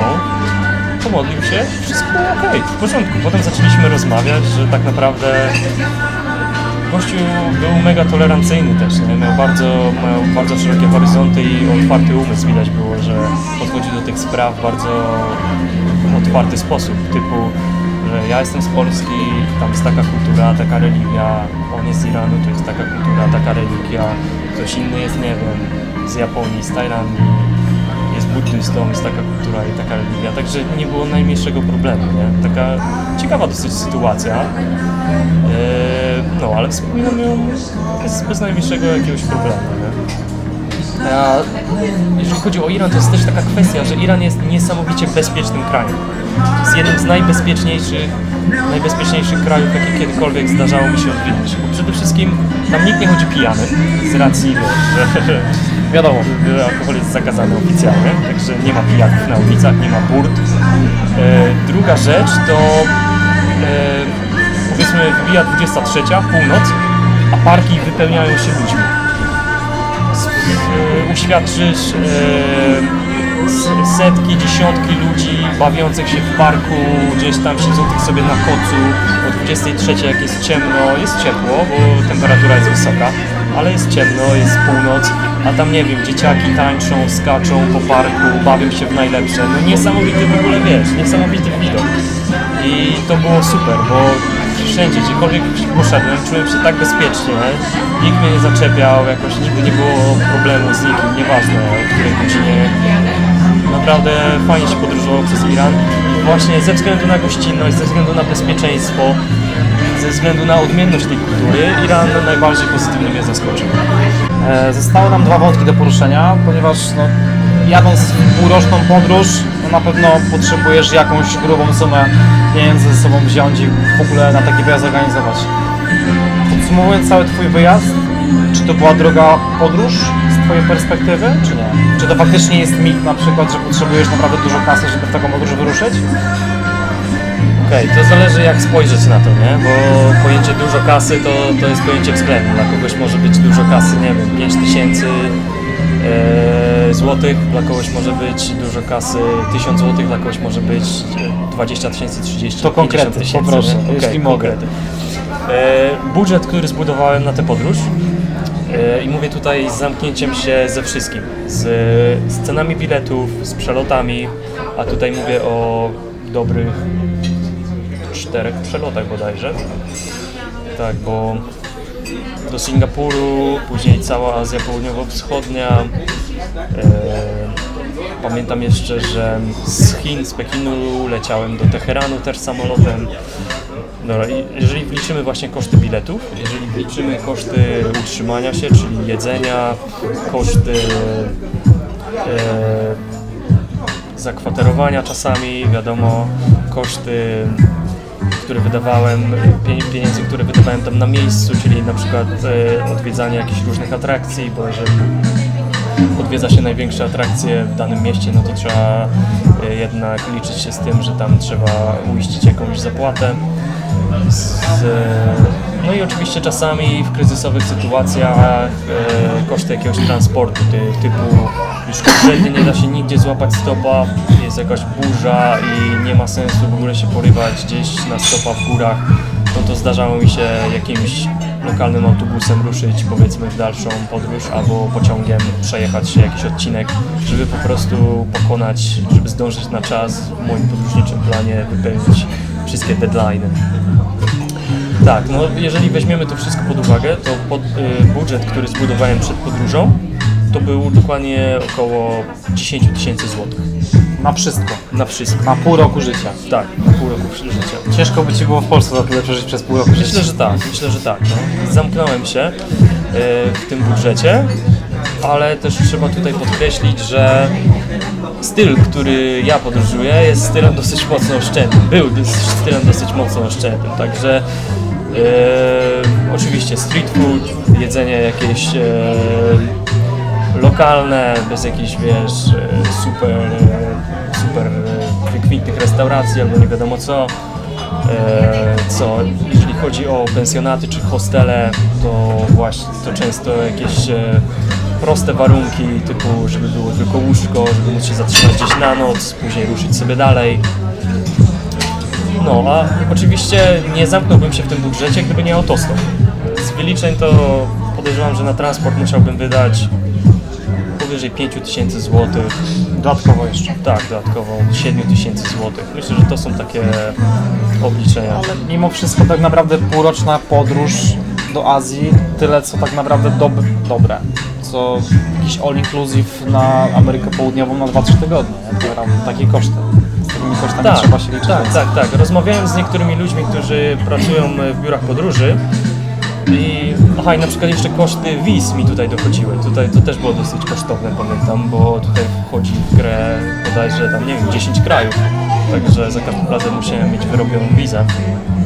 Ale rozmawiałem z paroma osobami, które pracują w jakichś biurach podróży i one mi powiedziały, że słuchaj, e, taki obszar, który ty zwiedziłeś i w takim czasie przede wszystkim, bo tu mówimy o półrocznej wyprawie, e, z tym wszystkim, co zobaczyłeś, bo to nie było tak, że oszczędzałem na atrakcjach. Absolutnie, tam gdzie byłem w jakimś mieście, szedłem wszędzie, gdzie, było, gdzie, gdzie wydawało mi się coś tylko interesującego, co może, co, gdzie może być jakaś fajna historia do usłyszenia, to nie patrzyłem jakby, wiesz, nie patrzyłem się na kieszeń, tylko po prostu tam szedłem, płaciłem za wejście. E, tak, no to te osoby powiedziały mi w końcu, że z ich wyliczeń wyszło, że żeby odbyć taką podróż jak ja, z biura podróży, to 50-60 tysięcy złotych, 70 tysięcy, to już wiesz. Lekko licząc myślę. Tak, tak, nie? 5-10-krotne koszty większe. Czyli da się generalnie niej pojechać. Da się, da się, da Czy z się. perspektywy obecnego czasu coś byś w tej podróży zmienił? Mm. Ciężko powiedzieć, szczerze mówiąc. Wydaje mi się, że nie, było tak super, jak, jakby, wiesz, ja dosyć odpowiedzialnie podszedłem do tematu, typu e, przygotowałem się do tej podróży, Azja jest stosunkowo bezpiecznym rejonem, także moi rodzice bardzo się martwili o mnie, e, to też muszę przyznać, że by, bywałem to jest, to jest ten minus, jak jesteś w podróży, to jesteś dale, daleko od domu, daleko od relacji z bliskimi i jakby korzystać tylko łączność internetowa. I oni dosyć mocno się martwili, bo dla nich to zupełnie jest obcy świat, nigdy nie byli w Azji i e, martwili, szczególnie moja mama. To, e, zawsze z tyłu głowy chodziło, co akurat robię, gdzie jestem i tak dalej, także musiałem co kilka dni raportować, co się u mnie dzieje. Ale ja przygotowałem się do tej wyprawy i zawsze powtarzałem im dosyć często, że Azja i ten region, który ja odwiedzam, jest naprawdę bezpiecznym rejonem świata w stosunku do innych rejonów świata. Jest jednym z najbezpieczniejszych, jeżeli chodzi o podróż taką właśnie backpackerską e, jako, jako podróżnik włóczęga, to, to jest idealne miejsce, bo e, ludzi, ludzie z samej natury swojej, jakby z, z tego jak, jak, jak, oni są nastawieni do życia pokojowo i właśnie tolerancyjnie, nie ma jakichś wielkich konfliktów, na przykład w Tajlandii, podróżując przez ten kraj, zjechałem go wzdłuż i wstrze- wszerz, bo trzy razy wjeżdżałem do Tajlandii. Nigdy, ani razu nie uświadczyłem ani jednej bójki, afery, jakiejś chryi oficjalnej gdzieś na ulicy. E, ani razu, w żadnym mieście, bo to po prostu nie leży w naturze Tajów. Oni nie są tacy, żeby się awanturować, żeby skakać sobie do gardeł. Nie, oni po prostu mają optymistyczne podejście do życia. Jeżeli coś się złego dzieje, to wolą to raczej zachować na siebie i wiesz, nie robić z tego wielkiej afery. To jest fajne i na przykład to bardzo chętnie prze, przeniósłbym tutaj, nie tylko na Polskę, ale może bardziej właśnie też na Europę, żeby ludzie troszeczkę wyluzowali, nie? żeby bardziej pokojowo podchodzili do siebie w takich codziennych relacjach. Ciężko Ci się wróciło po takiej podróży do rzeczywistości w Polsce?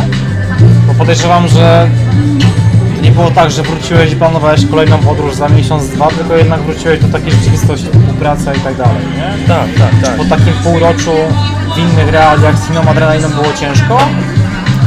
Było troszeczkę ciężko I, i tak i nie, bo powiem Ci szczerze, bo jak się wraca po takich e, hardkorowych przygodach, to zaczyna się doceniać też pewne rzeczy i jakby to życie w komforcie i w komforcie i w jakimś takim stosunkowym luksusie na co dzień ci zbrzydnie.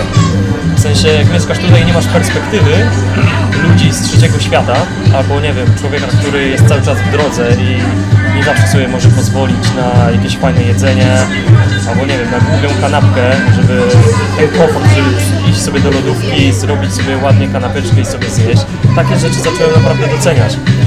I e, tak, i, i jakby będąc tutaj, widzę, że, że wiele osób nie docenia tego, co ma na miejscu. Nie? I to jest wygoda, na przykład to, że mam dach nad głową, to jest też bardzo fajna rzecz.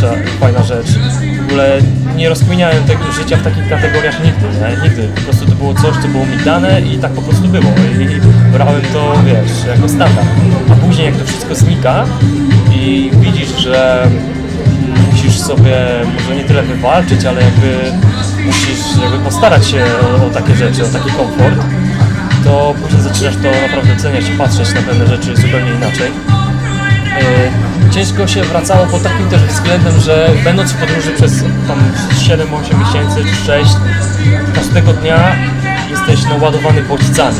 Budzisz się i ruszasz w miasto, coś się dzieje, idziesz zwiedzać, poznajesz ludzi, próbujesz smaków, e, e, próbujesz różnych zapachów i tak dalej. Jesteś nękany po prostu bodźcami, żyjesz na pełnej petardzie, to jest taka adrenalina, jakby żyjesz stu, na 150%.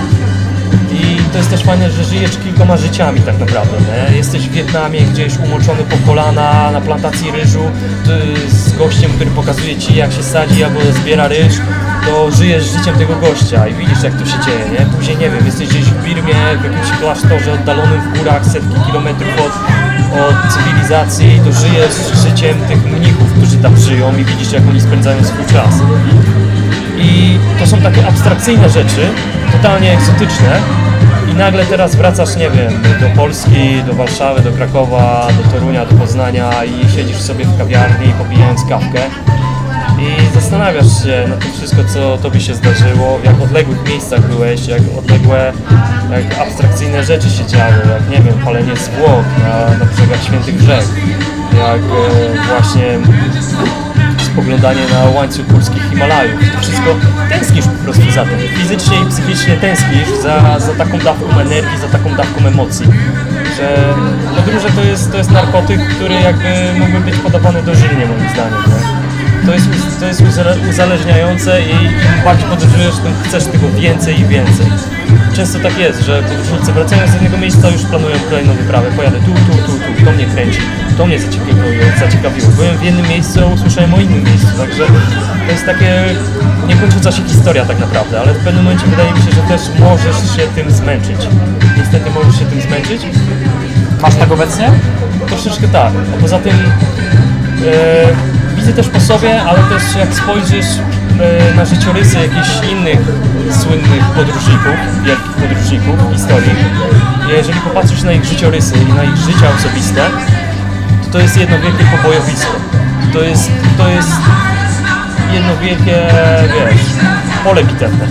To są tak, to są e, rozwalone rodziny, to są rozwody, to są nieszczęśliwe małżeństwa, to są płacone alimenty, to są nałogi, to są długi. Teraz pytanie, skąd to wszystko wynika? Moim zdaniem wynika to z tego, że podróżnicy to z reguły są bardzo egoistyczni ludzie. Pod takim względem, że przekładają swoją pasję ponad wszystko. Pojawia się podróż po prostu pojawia się na tyle silna potrzeba, że przekładają realizację tej podróży nad każdą inną potrzebę. Na potrzeby ludzi, ludzi, którzy są blisko nich, na potrzeby jakieś nawet własne, wiesz, jakieś samorealizacji, bo w tym momencie ta podróż jest dla nich samorealizacją. Ważne, żeby, było, żeby, by, żeby być gdzie indziej, żeby sprawdzić się w terenie, żeby poznać jakieś, zobaczyć nowe twarze, żeby poznać nowe historie. Dla nich to jest najważniejsze w tym momencie. Czyli nałogowcy po prostu. Tak, to są naukowcy, tak. I, I nawet ja po sobie też widzę, że przyjeżdżam do kraju po paru latach albo po paru miesiącach i w pewnym momencie spotykam się z ludźmi, których znam od lat i spotykamy się na kawie rozmawiamy o różnych rzeczach i w pewnym momencie widzę, jak ich życia poszły do przodu, jak ich historie się potoczyły dalej, w sensie, nie wiem, ktoś już ma dziecko, ktoś ma dwójkę dzieci, ktoś, e, ktoś się buduje poza miastem, ktoś kupił sobie mieszkanie, e, no to wszystko bardzo się rozwinęło, nie? I wtedy przyjeżdżam ja i co tam u mnie, nie? No i wiesz... że- 61 kraj właśnie zwiedziłem. No dokładnie, no dokładnie. Typu, nie wiem, palenie opium w Laosie, albo jakaś inna abstrakcyjna historia, no nie wiem, gdzieś tam spinaczka po parku przy Himalajach, nie? Albo no jakieś totalne wystrzelone rzeczy, dla których, z którymi oni nie do końca potrafią się utożsamić i w pewnym momencie nachodzi taka refleksja, czy przypadkiem coś ci nie umyka tutaj na miejscu, nie? Czy przypadkiem nie jest tak, że przyjeżdżasz znowu do pustych czterech ścian i wszyscy, wiesz, wszyscy mają te swoje życia prywatne tutaj całkiem fajnie rozwinięte, a ty ciągle jesteś wykorzeniony, bo spędzasz czas gdzieś na drugim końcu świata i przeżywasz to swoje życie tam. To jest super, to jest fajne, ale później jak się wraca z takiej podróży, to ma się troszeczkę zjazd, taki dół, nie? I dlatego właśnie podróżnicy myślą o tym, żeby już ruszyć gdzieś dalej, żeby zaspokoić ten głód, zaspokoić ten głód wrażeń i jakby tę potrzebę bycia gdzie indziej. Nie wiem, czy da się to wszystko ze sobą połączyć tak naprawdę, te dwa światy. Żeby mieć szczęśliwą rodzinę i przy tym wszystkim jeszcze podróżować sobie po świecie w takim czasie, w takim dystansie, jak się chce tak naprawdę. Nie? Wydaje mi się, że tutaj trzeba bardzo dobrze się dobrać, jeżeli chodzi o zakładanie rodziny. Jeżeli ktoś, bo to jest styl życia, to jest coś, co wpływa jakby totalnie na Twoje życie i na życie Twoich najbliższych.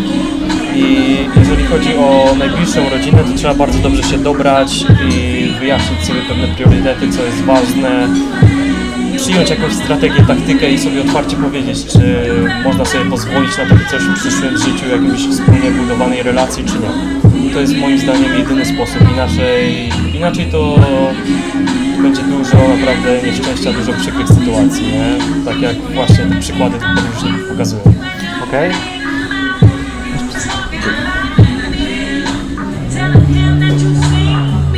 ja jestem wykończony. No, już kończymy. Ostatnie pytanie mam. Dobra. O, ja tak samo. Dwie godzinki mamy. Okej. E, Ostatnie pytanie już nie męczę, ponieważ dwie godziny nam prawie już bije. E, czy ta podróż, w związku z tym, że jesteś muzykiem, coś za sobą niesie? Jakiś projekt, coś więcej? Jeśli chodzi o twórczość, podejrzewam, że ilość bodźców i inspiracji, które tam zebrałeś, no gdzieś musiała, musi zostać przelana po prostu.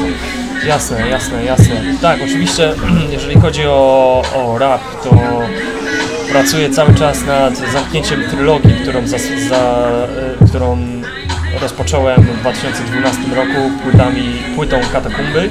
Później były Miasta Krzywych Wież, które już były stricte podróżnicze o moich podróżach po całym świecie praktycznie, po bliskim, dalekim wschodzie.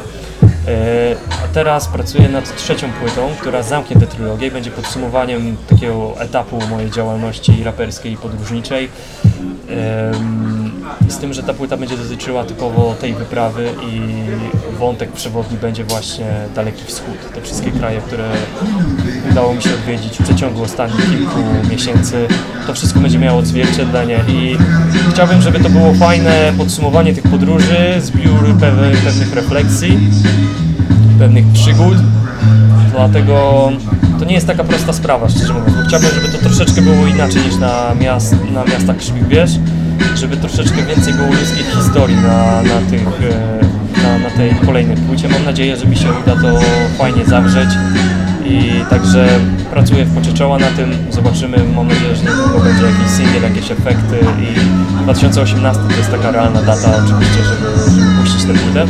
A poza tym e, przez całą podróż, przez całe tam 7 miesięcy prowadziłem zapiski.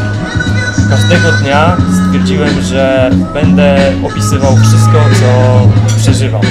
Wszystkie moje odczucia, wszystkie rzeczy, które się ze mną dzieją, wszystkie miejsca, które odwiedzam, opisy tych miejsc, opisy jakichś śmiesznych, dziwnych, różnych sytuacji.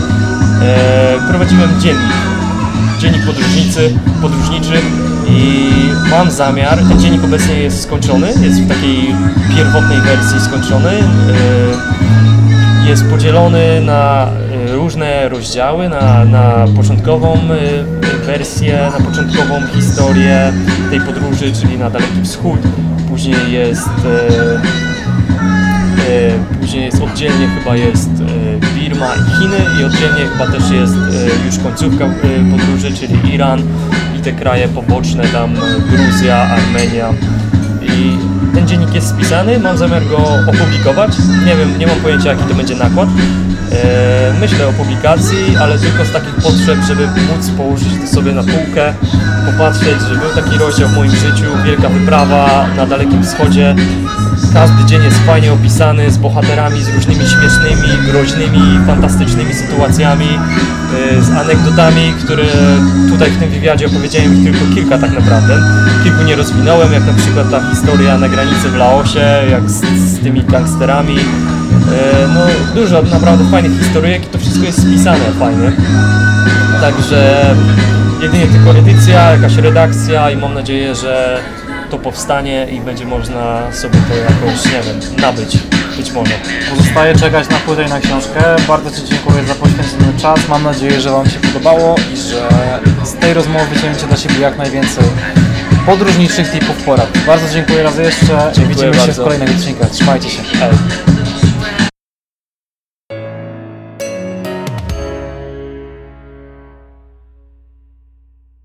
Bardzo dziękuję Ci, że dobrnąłeś do samego końca. Mam nadzieję, że rozmowa Ci się podobała. E, Moim zdaniem to jedna z najciekawszych rozmów, które znajdziecie na blogu i w podcaście. A teraz obiecane kilka słów na temat przyszłości. E, Niestety nie mam dobrej informacji, ponieważ jest to mój ostatni prawdopodobnie e, podcast, który ukaże się na blogu. E, Z przyczyn w zasadzie kilku. Po pierwsze, trochę brak e, czasu do ogarniania projektu non-profit. E, Miałem trochę inne plany na rozwój bloga i myślałem, że potoczy się tro, trochę w innym kierunku, ale niestety nie wszystko poszło po mojej myśli. E, Po drugie, e, miałem parę, parę zaplanowanych rozmów jeszcze z innymi raperami, ale niestety to się nie, wykr- nie udało. Nie udało się tego zrealizować. Jeśli słuchasz tego Tetris, to ciebie jeszcze wyszarpię na tę obiecaną rozmowę. Nie mówię, że zamykam bloga i zamykam podcast, ponieważ kto wie, co się wydarzy jeszcze za kilka miesięcy. Być może wrócę z tą formułą. Na ten moment e, nic nie mam do przodu, czyli z nikim się na razie nie spotkałem na rozmowę i nie mam na razie takich planów, ale nie wykluczam. Zobaczymy. E, Dajcie znać, jak Wam się podoba ta rozmowa i oczywiście na samym końcu zachęcam do sprawdzenia wszystkich 17 poprzednich podcastów, ponieważ e, zawsze starałem się te podcasty planować i prowadzić w taki sposób, aby były ponadczasowe, więc e, jeśli jeszcze nie sprawdziłeś wszystkich pozostałych, które znajdziesz na blogu, to bardzo zachęcam, ponieważ e, są ponadczasowe i ich termin przydatności do spożycia jeszcze nie minął. To tyle na teraz. Dziękuję Ci za, za uwagę i słyszymy się jeszcze niebawem.